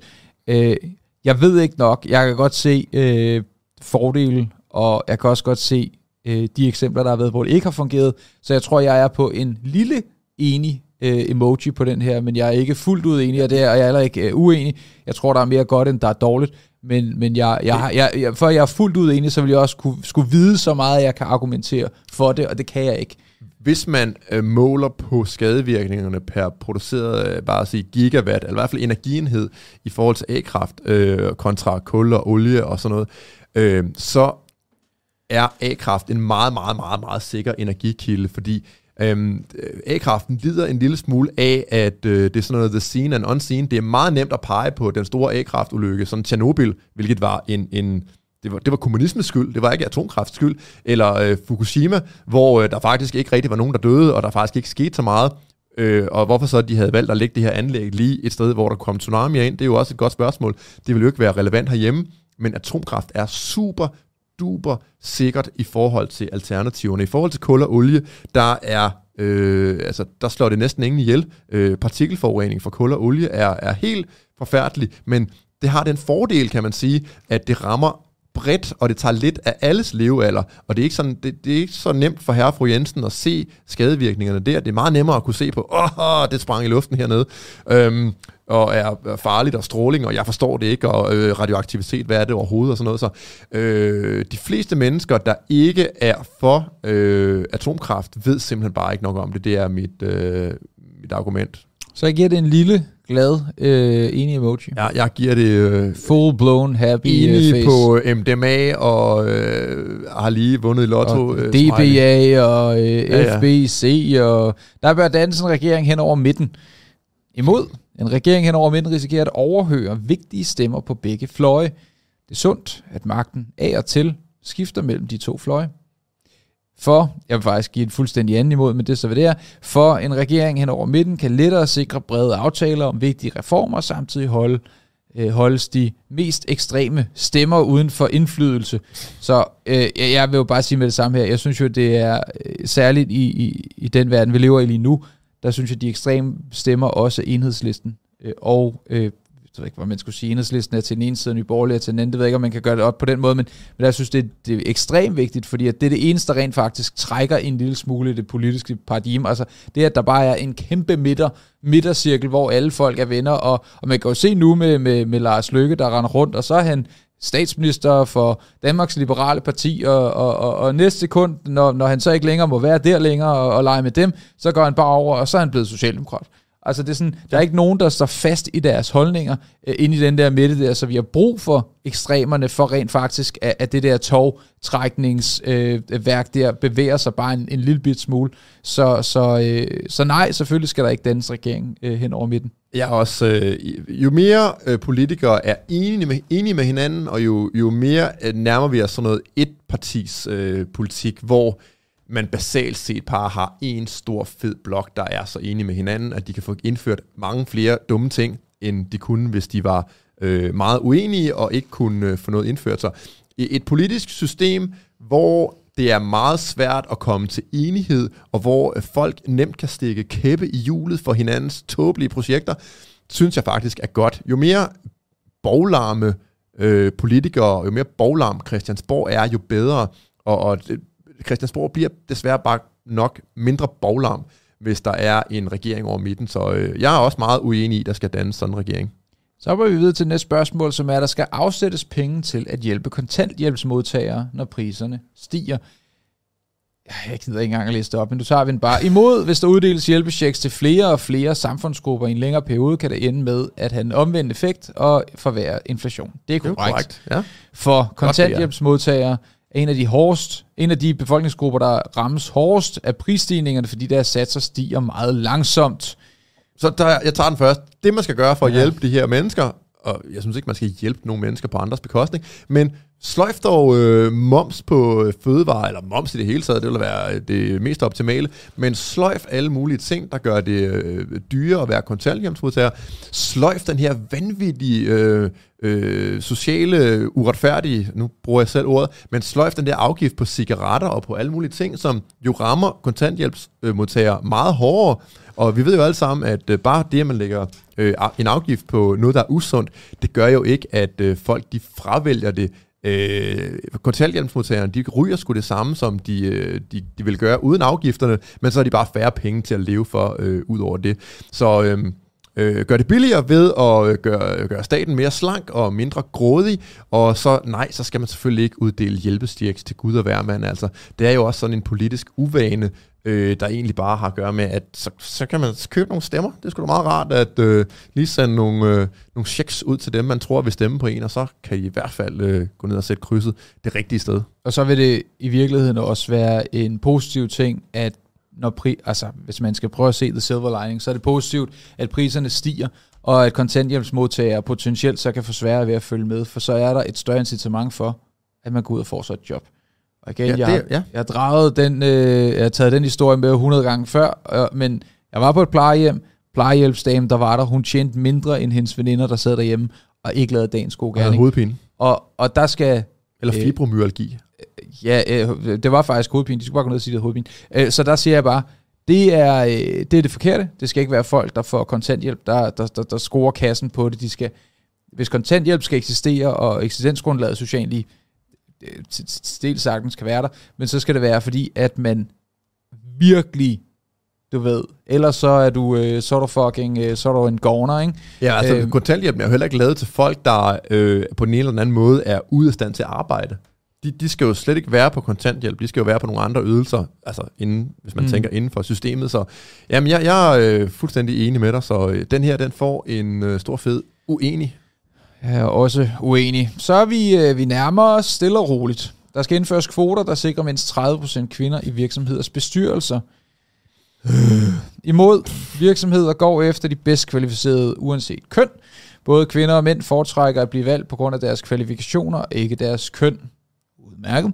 For virksomhederne bør afspejle samfundet. Nej. Både Norge og flere EU-lande, vi skal altid lige sammenligne os med de andre, har allerede lovkrav om, at kvinder er i ledelsen. Som om, at fordi at de andre, altså det, du kan også godt kigge på Cuba og så sådan, men de gør, men de har det her i Cuba, hvor at, øh, altså kæft. Find ned om hjørnet, tager ja. også kokain og ja, ja. heroin, og øh, ja. Hvor, men Argentina har en rigtig god regering, og øh, det, er, nå, det går øh, for langsomt med at rette op på skævheden i bestyrelserne. Nej, der skal ikke indføres kvoter, der sikrer mindst 30% kvinder. Hvis der skulle indføres nogle kvoter, så er det øh, for dumme forslag fra regeringen. Men det ville være rart at få en kvote og, eller en det, Der er de langt over kvoten allerede nu. Præcis. Så, øh, så, så, så selvfølgelig er det de mest kvalificerede, og det skal være øh, bestyrelsen, øh, der, der, der inviterer folk ind, som der giver mening, og man skal ikke sidde i en bestyrelse og sige, at vi havde en at sige, at vi var det her, det her store øh, politiske podcast her. Lad os sige, at vi havde en bestyrelse, der, der var med til at bestemme, hvad vi skulle lave. Jeg tror godt, at jeg ville kunne finde en eller to kvinder, som jeg tænkte ville kunne bidrage med noget rigtig godt, og som var lige i samme øh, øh båd som os. Men jeg tror, jeg kunne finde 25 mænd, som, øh, som, som, som var det øh, også. Så, så, så det er, øh, man, må, man må kæmpe for tingene, og, øh, og, og, og, og så er der nogle bestyrelser i forhold til, øh, til, til fucking, øh, lad os bare sige det som det er, kvindeting, hvor at der så er flere kvinder og så er der nogle bestyrelser for, for, for, for andre ting. Så, så nej, så det er noget værd vrøvl. Selvfølgelig skal der ikke være kvoter. Det er, det er noget fis. Og, øh, og, og, ja. Og, ja, så. Og der, der er jo kun én ting at sige til det. Hvis man går ind for den private ejendomsret, så skal man være imod det her. Desværre er der rigtig mange i lille feminiserede, socialdemokratiske, kollektivistiske Danmark, der faktisk overhovedet ikke basalt set går ind for det, der har gjort Vesten til øh, et, et, et vanvittigt øh, succesfuldt samfund, nemlig privat ejendomsret. Det er nummer et øh, institution, har gjort, at vi er øh, rige og øh, lykkelige og alt sådan noget, det er, at vi kan have vores ting, og vi kan selv bestemme over vores ting. Og det her, det er et angreb på det, og det skal bare lukkes ned og stoppes øh, nu. Nummer 17 ud af 25. Der skal være permanent grænsekontrol mellem Danmark og Tyskland. Deres argumenter imod er, at grænsekontrollen koster milliarder, skaber, det er der jo så mange andre ting, der også gør, skaber kødannelse og generer den fri bevægelighed i grænselandet i et omfang, der ikke står mål med dens resultater. Gøres den permanent, kan Danmark blive smidt ud af EU's Schengen-samarbejde om åbne grænser. For det er vigtigt, at der er styr på, hvem der kommer ind i Danmark. Det gælder både i forhold til organiseret kriminalitet og til indvandring. Det er vigtigere, end at Danmark er med i EU's Schengen-samarbejde om åbne grænser.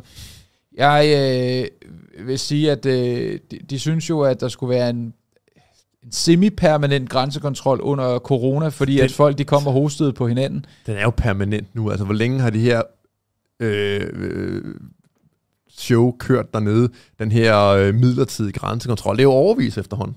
Jeg øh, øh, synes ikke bare, der skal være grænsekontrol mellem Danmark og Tyskland. Jeg synes også, der skal være mellem Danmark og Sverige. Og, og det, ja, det, vil være, det vil være lækre, faktisk. Det, det, vil, det vil passe mig godt begge dele. Og, øhm, og det er jeg faktisk ligeglad med, at det så koster penge. Så man prøve at optimere det, og man kunne optimere det ved så, at igen, så nu nævner jeg hjemmeværnet, altså man kunne så tage nogle af de folk, som der får penge af, øh, til, at, til at stå, stå, stå vagt i gevær, at de så måske øh, gør det på, på grænserne. Men øh, EU Schengen-samarbejde, om, om man bliver smidt ud af det, jeg tror, man kan risikere, kan Danmark, ja, så kan man, det er jo ikke ens betydning med, at man så gør, og er det så jordens undergang? Jeg er, jeg, jeg er sådan lidt, altså skal jeg have pragmatikerhatten på, eller skal jeg have anarkisthatten på, eller hvad skal jeg, fordi jeg mener jo øh, udelukkende, at grænser er et spørgsmål om privat ejendom, og staten skal ikke have noget med det at gøre, men nu findes staten, og der er ikke nogen rigtig udsigt til, at vi får afviklet det. Så, øh, så på en eller anden måde skal staten vel også forsvare øh, øh, grænsen imod indvandring af, af ubehagelige karakterer, men gør de det? Nej, det virker ikke egentlig sådan. Så jeg tror, at de ulemper, man får ud af den nuværende grænsekontrol, langt overstiger de øh, goder, man så får ud af den, fordi der skulle alligevel øh, øh, ubehagelig indvandring øh, i Danmark, og det ser da ikke ud som om, at det bliver stoppet øh, øh, specielt effektivt. Så hvis man ser på, hvad de her mennesker, de, de rent faktisk bidrager med, jamen, så er det lange køer, så er det en, en lille våbenlovsag her og der, og en lille narkosag her og der, men for alvor, så batter det ikke noget, tror jeg. Så, men det er jo stadigvæk, når du så ser på, og det må vi jo læse op en del gange efterhånden, hver gang, at der er nogen, der bliver skudt i solrød eller et eller andet, så er det en, i går så en svensker, der, øh, der har gjort det. Øh, så, ja. så hvis man satte en grænsekontrol op, så tror jeg også, at der er øh, lavere risiko for, at der er en, i går så en svensker, der kommer, øh, kommer til, til, til Danmark. Så hvis man bare så kunne ramme de mennesker, og ikke genere så mange andre, så ville det være lækkert nok. Men det er racial profiling. Ja, masser af det, ja. Men øh, nej, så, så jeg, øh, jeg vil sige, uh, umiddelbart lige nu, der vil jeg faktisk være øh, for en permanent grænsekontrol, men sådan øh, i det store hele, hvis ikke at jeg tænker så meget over øh, kriminalitet fra andre steder, og jeg tænker på min egen bevægelighed, så vil jeg nok sige, at jeg helst vil have, at der ikke var nogen grænser, sådan rigtig nogen steder faktisk, men, men lige med det her, der synes jeg, at ja, der skal være en permanent grænsekontrol mellem Danmark og Tyskland. Jeg er lidt uenig. Så har vi øh, nummer, nummer næste her, som er sundhed. Man skal automatisk blive organdonor, når man fylder 18 år, medmindre man aktivt fremmelder sig. Imod ens indre organer er ikke fælleseje, og anvendelsen af dem skal ikke styres af staten per automatik. De pårørende må have det sidste ord. For der er stor mangel på organer til transplantation, og en øh, alt for voldsom beslutning for en familie at stå med, hvis pårørende er erklæret hjernedød. Så staten skal træffe beslutningen for de pårørende, det er så for argumentet? Øh, jeg, jeg, jeg ser det sådan her, at hvis i min, verden, i min ideelle verden, så vil jeg sige, at, at der var faktisk, at der gik virkelig mange år før jeg tilmeldte mig organdonation, for jeg tænkte, det var bad voodoo, at så var der nogen, der havde mere brug for det, end jeg havde, og så, sap, så fløj. Ved. Men, men, men, men jeg er organdonor, og jeg vil faktisk også sige det sådan her, at jeg synes sagtens, man kan være øh, automatisk tilmeldt, når man bliver født. Jeg synes ikke, at det er et problem. Så synes jeg, det skal være et aktivt valg, at forældrene så siger, ikke at man bare er allemandsejer, som der står her, at, øh, Men altså, at, når man, at, at man ud er af, kommer ud af livmoren, så er man automatisk organdonor. Det er jo det, du siger. Når du kommer ud af livmoren, så skal de bestemme dit navn, og du skal ind igennem øh, det der register hos, øh, hos øh, Folkekirken osv., og så kan man så også tække af på nogle forskellige ting. Så synes jeg sagtens, man kunne tække af på, øh, øh, på den, og så sige, ikke interesseret. Men i udgangspunktet skulle man være tilmeldt. Ja. Så hvis man ikke øh, lige får fedt den her øh, spørgeskema-undersøgelse rigtigt igennem, så er man bare organdonor. Så er man organdonor i det format, der hedder, nu dør øh, øh, Olfert, og, og, og, og Olfert han er død, og så kan staten så sige, hov, du har tilmeldt dig organdonor, og så skal ens pårørende så sige ja eller nej. Så det vil være en lidt anden struktur, end hvad der er nu. Men, men ja, jeg synes, det skal være nemmere tilgængeligt, og det er bare nemmere at, at, at sige, øh, at, at, at at man, at man øh, på det tidspunkt siger, at man ikke er interesseret i det, end at man siger, at man er interesseret i det. Jeg er imod. Altså, jeg, jeg mener i udgangspunktet overhovedet ikke, at man skal være organdonor. Jeg mener faktisk også selv, at jeg er organdonor, men det er jo noget, jeg selv har valgt. Øhm, så øhm, nej, jeg, altså, staten skal ikke kunne høste mine organer, hvis den lige øh, får lyst til det. Det øh, øh, har jeg selv taget stilling til, at det må man gerne, men det er sgu ikke noget, de skal i udgangspunktet have lov til, synes jeg.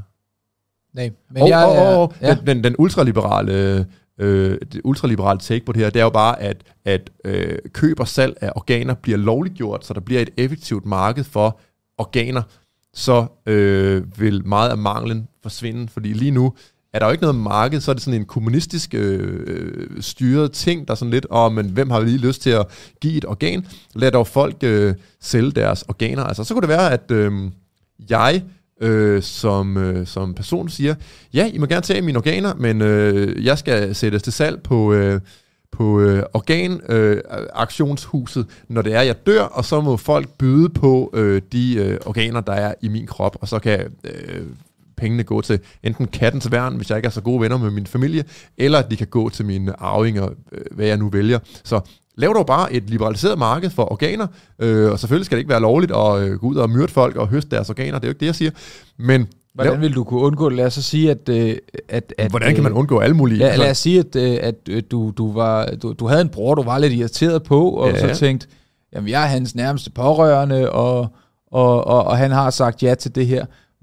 Du, du, du tænker ikke, at der er større risiko for kriminalitet, hvis man så kunne, kunne, kunne, kunne, kunne høste sine øh, familiemedlemmer, man, man, synes man, skulle, øh, øh, man skulle ligesom på en eller anden måde lave øh, nogle systemer, der gjorde, at øh, det ikke var muligt, om man sådan havde ret god indikation for, om de her organer de kom et, et godt sted fra. Altså, men på alle mulige andre områder fungerer det jo altså bare fordi det er øh, lovligt at købe og sælge kunst, så er det jo ikke sådan, at, øh, at røveri- og tyverimarkedet inden for kunstbranchen øh, bare skriger til himlen. Altså, lad dog nu folk øh, handle med de ting, de vil handle med, og hvis jeg ikke, øh, hvis mit øh, fedtklump på øverste etage holder op med at virke, så har jeg ikke brug for mine organer mere, og så kan de jo gøre gavn, og så dem, der har mest gavn af dem, og vil betale flest penge for dem, ja, de kan få dem.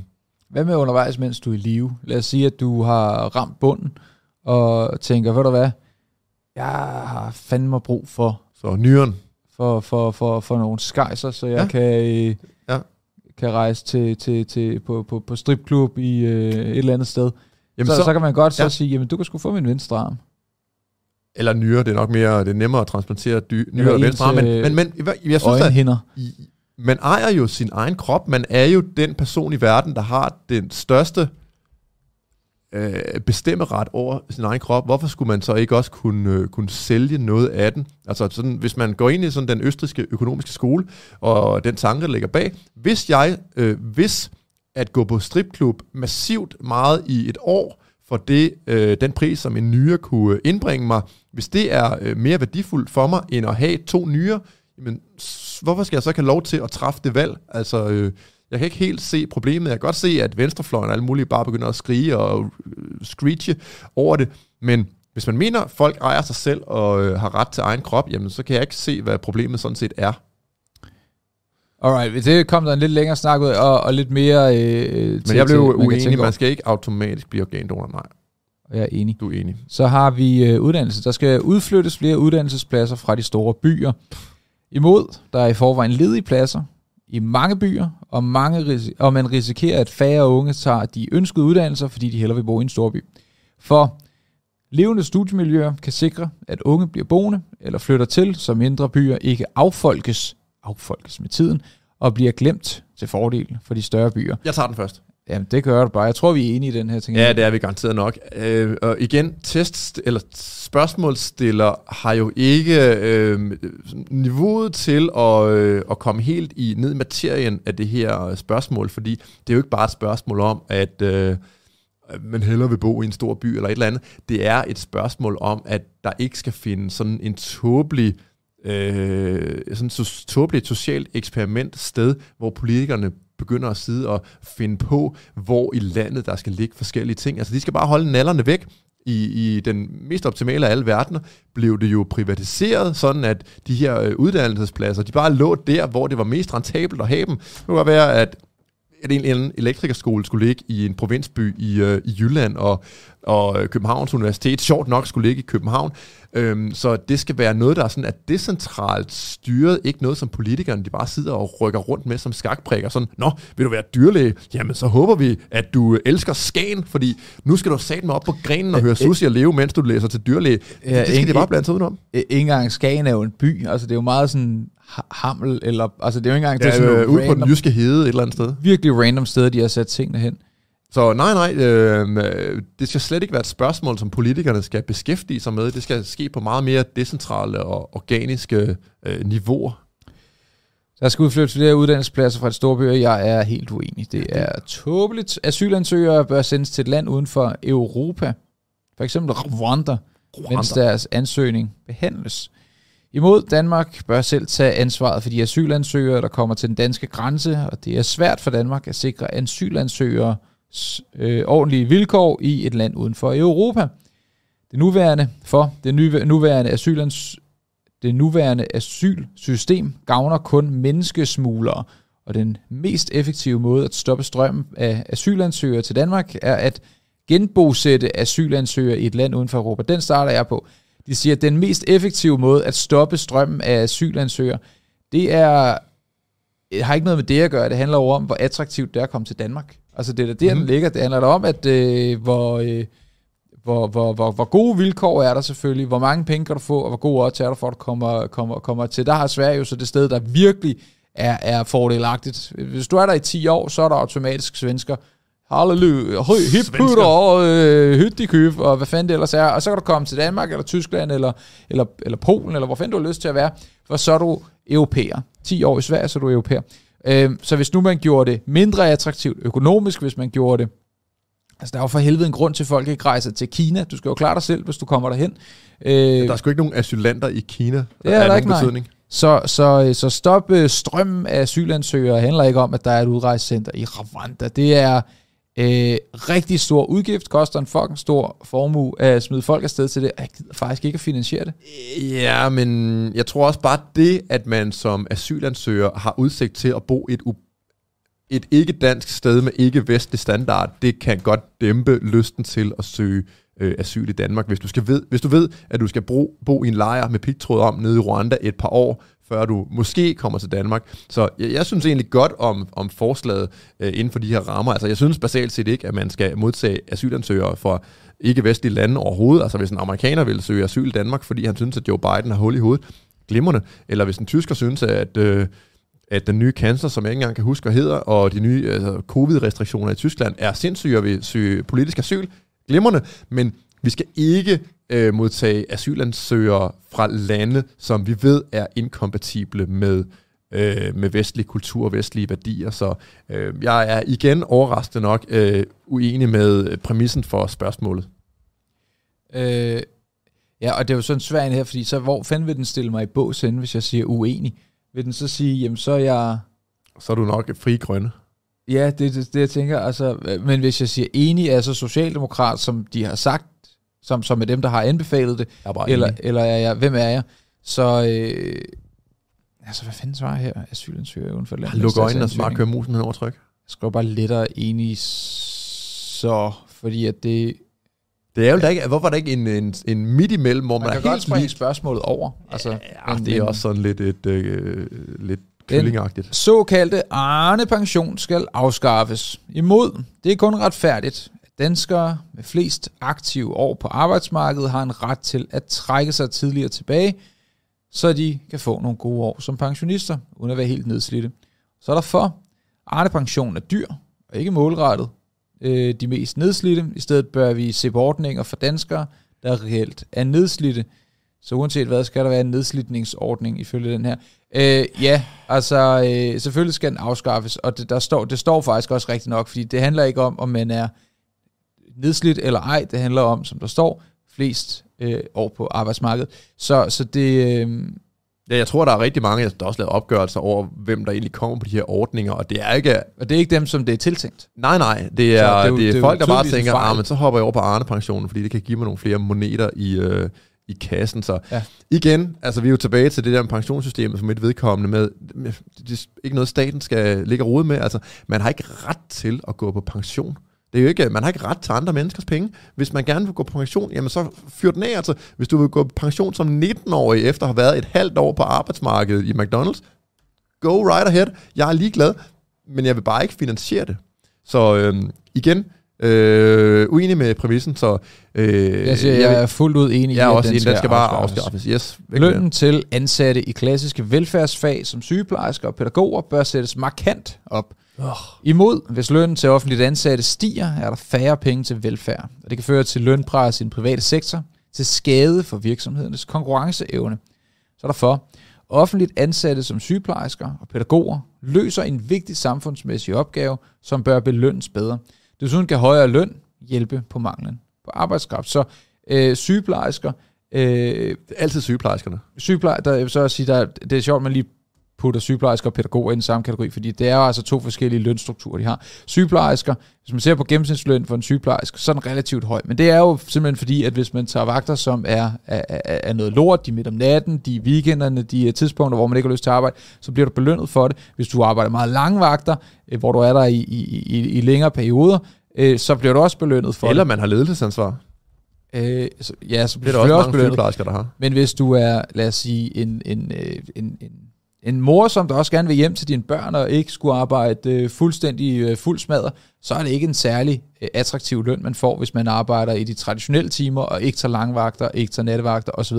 Øhm, men, men jeg synes øh, jo stadigvæk, at man er øh, fri til at kunne vælge det, og så sige, jamen jeg vælger at arbejde øh, hårdere i, i, i, i i oktober måned, fordi jeg ved, at i december måned, der skal jeg betale flere penge til julegaver, og, og der er det koldere, og jeg skal bruge flere penge. Så man er jo et eller andet sted selv øh, i stand til at kunne, kunne, kunne, kunne tilføje ekstra vagter. De, de, de har jo slet ikke nok mennesker, så det er faktisk ret nemt at kunne tilføre ekstra vagter, øh, kan jeg forstå. Så, øh, men med pædagoger er det så noget andet, og, øh, og og, og slet ikke helt den samme. Så jeg kan ikke helt se, at vi kan sætte det i den samme. Men hvis vi skal tage den i den samme, så vil jeg sige, at den ikke skal sættes markant op. Markant er også et ord, det er sådan Markant er meget. Markant er ret meget, ja. Så, så jeg vil egentlig sige, ud fra for det her, der er jeg øh, uenig. Jeg er også helt uenig, og igen, øh, man så bare med den her løndebat med sygeplejerskerne sidst, at øh, selv deres egne øh, folk, de kunne ikke finde ud af, at Ej, de faktisk sjovt. selv var, var ret øh, velbetalte. Sådan, de skulle præsentere sådan med skeer for statistik og data, før de sådan måske på nogen måde havde nogen øh, indsigt i egne lønforhold. Så øh, noget andet er, hvis man mener, at man arbejder i en sektor i det offentlige, der underbetaler en, og man egentlig er mere værd på arbejdsmarkedet, så burde man med det samme gå ind for en total privatisering af sin egen sektor, fordi øh, på det private marked, der får man løn som fortjent. Hvis folk mener, man er meget værd, jamen så får man en høj løn. Hvis folk mener, man er mindre værd, så får man en mindre løn. Det er derfor, gadefejere tjener mindre end øh, direktører, der er gode til at drive store virksomheder. Altså, der, der er udbud af efterspørgsel, så sygeplejerskerne, der øh, hylder og skriger over for lav, lav løn, de burde øh, gå ind for øh, at bare øh, privatisere deres sektor. Inden vi kommer til noget klima, så kommer vi lige med et skud ud til Supreme Pumper, der sender 20 kroner og skriver, hej drenge, what up? Tak for de 20 kroner, og what up? Så har vi også her fra Supreme Pumper igen, som skriver, øh, sender 20 kroner mere og skriver, Lars, får du set noget Critical Drinker for tiden? Ikke lige for tiden, men øh, jeg har set rigtig meget af, hvad The Critical Drinker han, øh, han laver. Han er filmanmelder på YouTube, og han gør det sindssygt godt. Ja, jeg synes også, det er morsomt. Øhm, han er morsom, og jeg er enig med ham politisk og sådan noget, så det er jo bare øh, vidunderligt. Så ja, Danmark bør indføre CO2-afgift på flyrejser.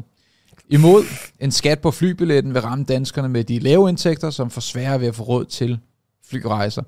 For flyrejser er en af de mest CO2-belastende rejseformer, former og bør beskattes ligesom alt muligt andet forurening. Så, øh, øh så lad os bare lige starte her. CO2-afgiften på flyrejser, hvordan var det? 13, 13 kroner, kroner fra København til Aalborg, ikke?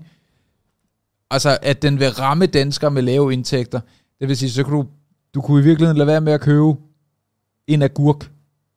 Ja, og så kan, altså, og så kan du flyve. Altså, det er jo ikke fordi, det er... Det, det, det, så, så det passer ikke helt, og så for en af de mest CO2-belastede rejseformer burde beskattes. Men beskatten, beskatningen rammer jo ikke, at, at øh, ozonlaget øh, vækster. Det, det, det rammer bare øh, politikerne øh, slommer, altså budget i hvert fald. Så, ja. så, øh, så nej, der skal selvfølgelig ikke indføres en CO2 Nej, nej, nej. De, de her mennesker har rigeligt med penge, og jeg, jeg anser heller ikke CO2 som forurening. Altså vi sidder ud under CO2 lige nu. Det er jo ikke giftigt, det er plantemad. Så er der øh, øh, den her, øh, som også er klima, det er en god idé med nationalparker, hvor der bliver udsat store dyr, som lever vildt. Imod... Altså, ulve. Øh, Bjørne, mås- måske, i Danmark. Ja, nok øh, nogle, nogle, nogle svin i hvert fald, måske. Det, det ved jeg ikke. Øh, imod, det er bekymrende for dyrevelfærden, fordi Folketinget er lempet på tilsynet med de dyr, der lever i natur, na, naturnationalparkerne, og så forhindrer det indhegninger, at arealerne kan anvendes til friluftsaktivitet som hidtil. For natur og biodiversitet er i krise, i både, der er så mange kriser i Danmark, øh, både i Danmark og globalt, hele verden simpelthen.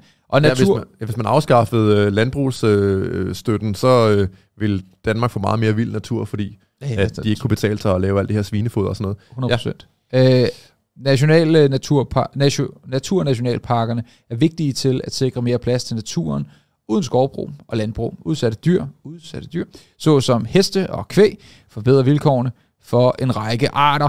Øh, så, øh, så ja, jeg er enig med dig. Hvis vi bare fjernede landbrugsstøtten, og, og folk så øh, så ville der meget hurtigt være andre ting, man kunne gøre. Så kunne man lige pludselig plante nogle træer, eller man kunne lave et eller andet andet. Og så er der så nogle ting her, hvor der står, tilsynet med de dyr, der lever i na- naturnationalparkerne, øh, øh, har, har limpet tilsyn, så de er bekymrede for dyrevelfærden. Det var det der med de der heste op i øh, Voldsbjerge, eller hvor fanden det var hen, øh, hvor, hvor at, at folk blev, du ved, folk der ikke ved noget om dyr, der havde set nogle heste, der så tynde ud, Øh, og, og de blev ikke fodret, fordi der ikke var tilsyn af dem. De havde bare de havde fri, du ved. Hvis også det er vilde dyr, så fodrer man dem vel ikke? Nej, men der var der så nogle, du ved, karentyper, der så var sådan lidt, åh, men de, du, man kan næsten se ribbenene jo. Og så anmeldte de og, og gik amok på Facebook og rigtig kriger i tastaturet. Åh, det kan ikke være rigtigt, at, der er, at man sulter hestene i, jeg tror det var Molsbjerg, jeg kan faktisk ikke huske, hvor det var, jeg tror det var Molsbjerg. Øh, og, og, og, så kom der store shitstorm, og så skulle der være nogle af de her naturtyper, der kom ud og så sagde, nå, men hesten er altså okay, at den spiser jo græsset selv, og du ved, det, det, det, det er sådan, en hest fungerer. Øh, så, så, nå, så er det en god idé.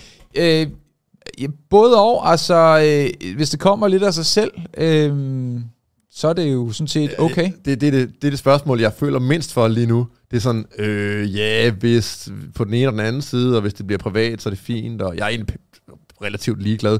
Jeg synes dog ikke, at, øh, nu nævner du ikke ulve, nu er det sådan noget som hester og kvæg.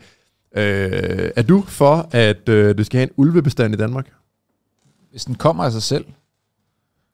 Jeg vil sige, hvis den kommer af sig selv, så øh, skulle vi gøre noget for ikke at, at have den. Altså, Danmark er et så lille land med så mange mennesker, at hvis man har ulveflokke gående rundt, og når man jæger som ulv, så er man rimelig effektiv og kan tage store dyr ned og sådan noget.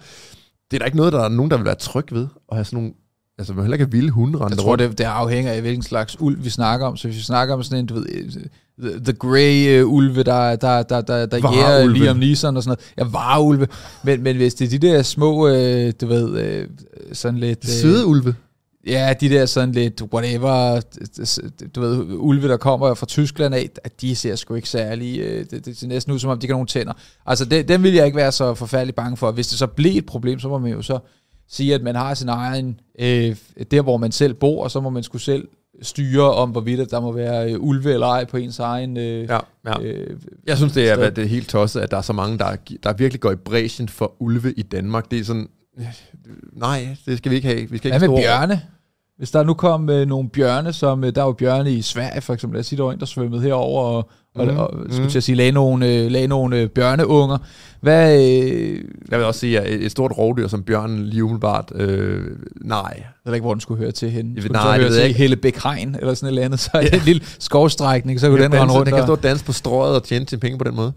Nå, øh, god idé med Naturnationalpark. Jeg vil sige, øh, umiddelbart er jeg... Øh, Jeg er meget ligeglad. jeg, jeg, jeg skriver lille glad emoji, og det, det gør jeg. også.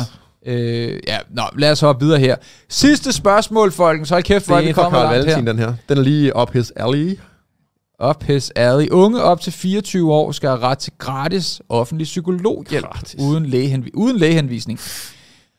Okay, så imod gratis psykologhjælp uden henvisning risikerer at øge efterspørgselen markant. Det er jo ikke, det er jo ikke noget, det risikerer at gøre. Det er Nej, noget, det der vil ske per altså, Og det her det er gratis, der er ingen kontrol med det. Go! Medfører store udgifter og gør det sværere at få en tid for de unge, der har størst behov. Ja. Det er jo fuldstændig rigtigt. Fuldstændig korrekt. Godt det er. For mange unge mistrives, og de skal have mulighed for at gå til psykolog for at forebygge, at det udvikler sig til en egentlig psyko, øh, psykisk øh, sygdom, også uden at gå til egen læge først. Nej, nej, nej. Hvis, okay, så et skridt ad gangen. Først og fremmest, så skal det være nemmere at blive psykolog. Øh, det er meget svært. Du skal have et meget højt gennemsnit, og der er meget få pladser. Så hvis man skabte flere uddannelsespladser til en ny generation af psykologer, så ville der også kunne komme flere folk, og så kunne man måske ruste op til, at der om 30 år kunne være noget, der lignede det her. Men øh, nej, det, det, det, det skal der ikke være. Så må man øh, gå til, til sin læge og få en lægehenvisning. Jeg har selv været til lægen og få en lægehenvisning til psykolog.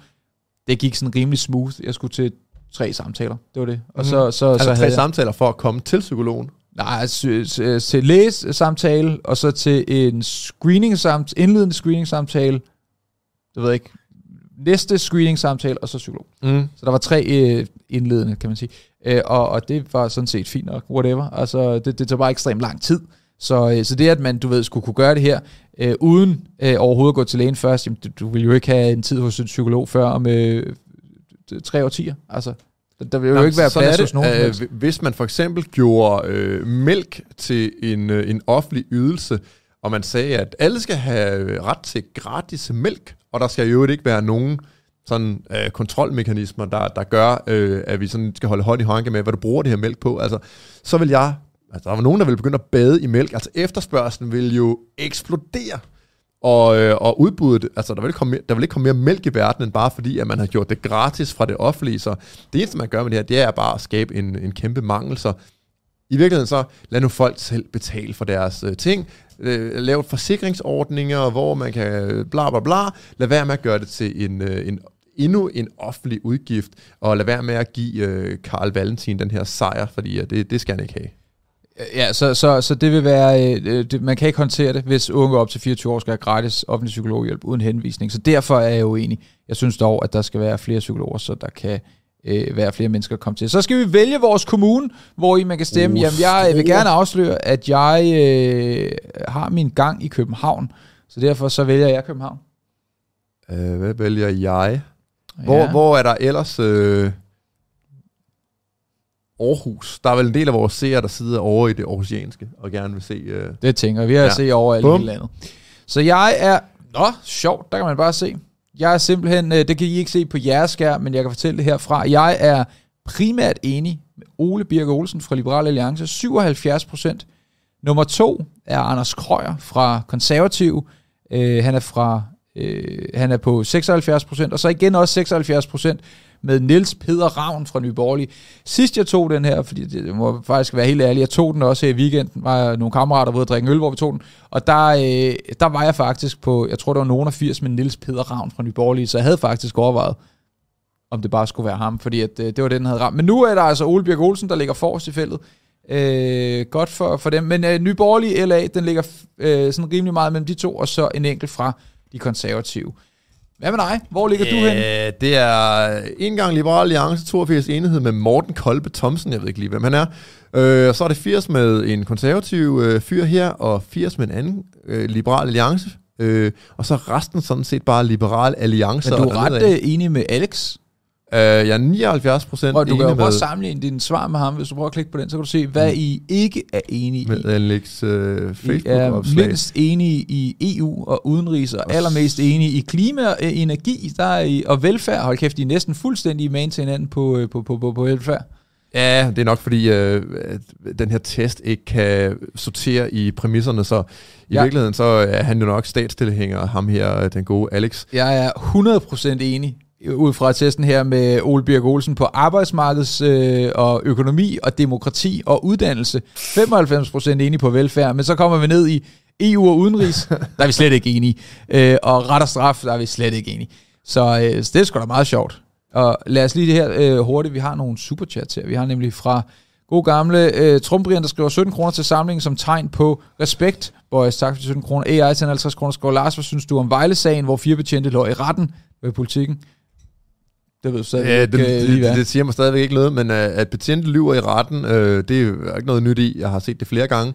Så øh, ja, hvis jeg sætter mig ind i det, så var jeg sikkert øh, øh, ganske meget imod det, de, hvad de end har gjort. Så øh, det vil jeg da lige gå hjem og se, om jeg kan finde noget Hvad, om. hvad synes du om Andrew Tate? Jeg, jeg ved ikke Hot potato lige at kaste ind, hva'? sygt meget om øh, den gode Andrew Tate. Det, jeg har set, det er sådan lidt, at jeg er nok enig i mange ting, men han har bare lige kørt det op i 6. gear. Nok sandsynligvis, fordi han ved, at øh, hvis man lige går lidt meget til den, 200% til den, Mm. så kan man øh, skabe noget røre og noget øh, opmærksomhed. Hvorfor tror du, jeg spørger dig? Jeg tror, du spørger mig, fordi at det, vi skal, øh, de damer og herrer, lige om lidt inde på Patreon, det er, at vi ser nogle Andrew Tate-videoer, og ser, hvad han egentlig er for en, en krapyl. Så inde på patreon.com der fortsætter den her udsendelse, og øh, den fortsætter med en øh, reaktion på øh, Andrew Tate. Og øh, så tager vi også en lille smule og snakker om et jubilæumsafsnit, som der kommer inden alt for lang tid. Så vi øh, kan løfte sløret for det, øh, nogle hemmeligheder, og hvor vi også har brug for noget, øh, noget feedback øh, om de initiativer fra øh, jer. Så det vil være super fedt, hvis øh, du har lyst til at støtte os derinde, øh, og, og, og hvis du har lyst til at se os enten være meget enige eller meget uenige med Andrew Tate. Øh, så er vi øh, live derinde lige om øh, tre minutter, så der er god tid til lige at kunne skrive sig op. Så håber jeg, vi ses derinde, og ellers så ses vi igen næste gang, og øh, Ja, det var sådan set bare det. på gensyn. På gensyn.